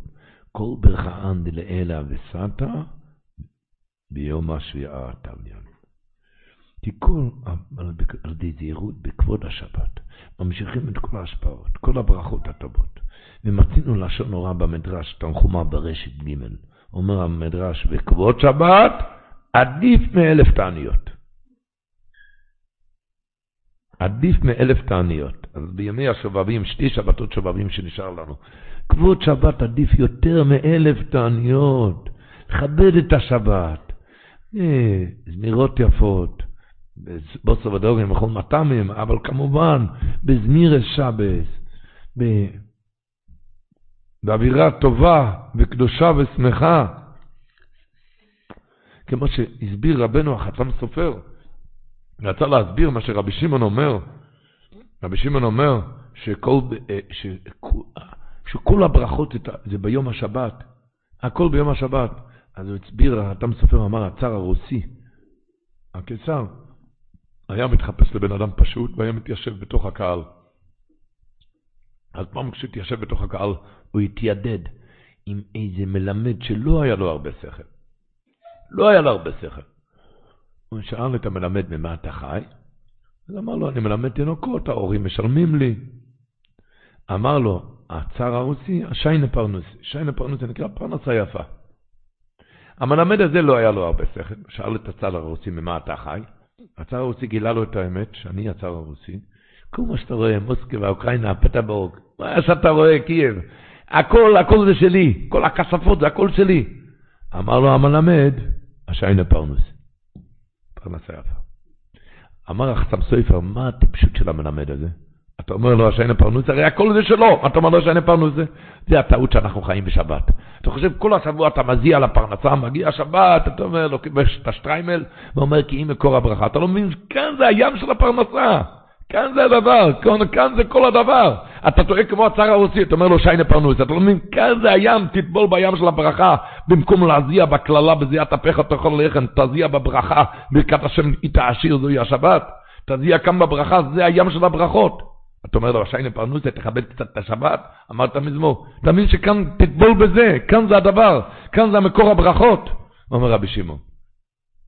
רבי שמעון אומר, דאבאו זימנה, יזדם הברכה. נתברכה כל שתראה ממנו שבת.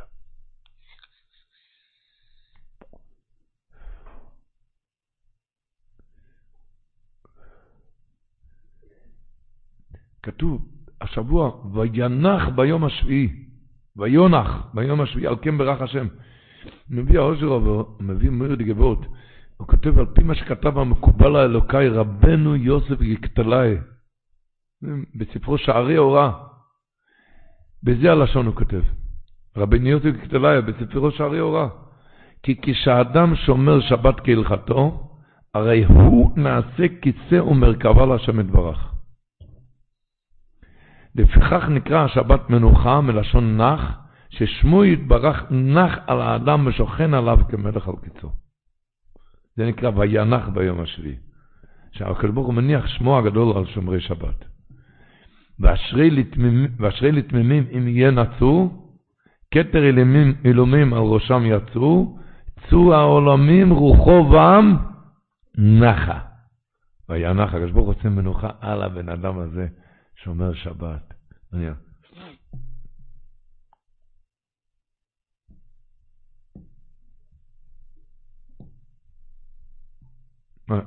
לאן מגיע יהודי כשהוא מתקדש בקדושת השבת. אני אסיים עם וורט אחד. השבת מתן תורה, וורט נורא, שימו לב, וורט נורא. את זה כותב רבינו התפארת עוזיאל. הוא כותב ככה: חז"ל אומרים במתן תורה, פרשת השבוע, בשעה שעלה משה למרום, אמרו מלאכי השרת לפני הקדוש ברוך הוא, ריבונו של עולם, מה לילוד אישה בינינו? אמר להם לקבל תורה בה. בא לקבל את התורה? אמרו לפניו מלאכי השרת, חמודה גנוזה שגנוזה לך 974 דורות קודם שנברא העולם. אתה מבקש נראה לבשר ודם?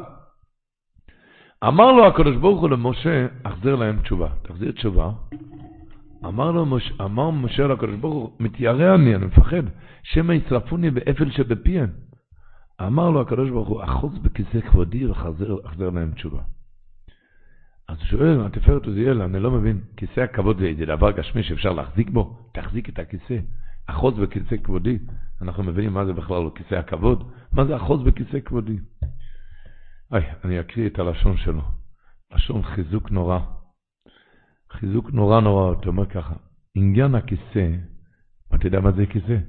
הוא אומר, עניין הכיסא הוא דוגמה לאדם שהוא עייף ויגיע ומבקש מנוח לכף רגליו, ומתיישב על הכיסא. זה הלשון שלו. אז הוא כותב ככה, כמו שכולם רצים לשמוע עוף שמדבר כמו בן אדם, כולם ירוצו. אף אחד לא מתפעל מבן אדם שמדבר בלשון. למה? כי אין זה שום חידוש, כל בן אדם מדבר. מתי יש חידוש? כשעוף מדבר. אותו דבר לקדוש ברוך הוא, אין לו נחת רוח ממעשי העליונים, כי שם אין שום חידוש, כי אין להם יצר הרע.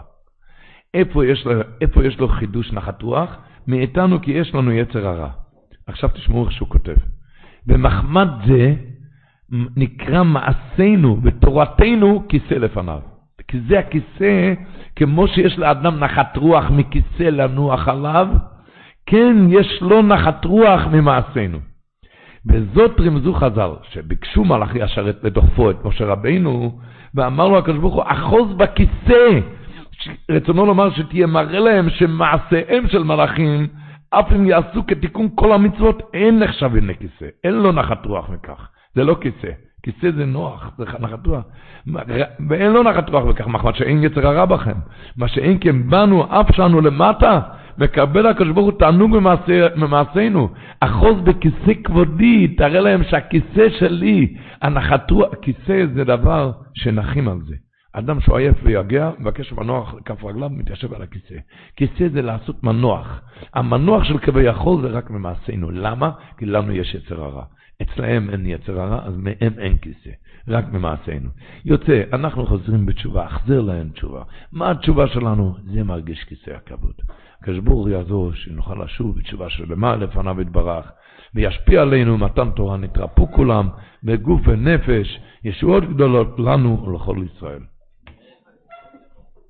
רבי חנניה בן הקושי אומר, עולם שלם של תוכן מחכה לך בכל הלשון, 03 617 1111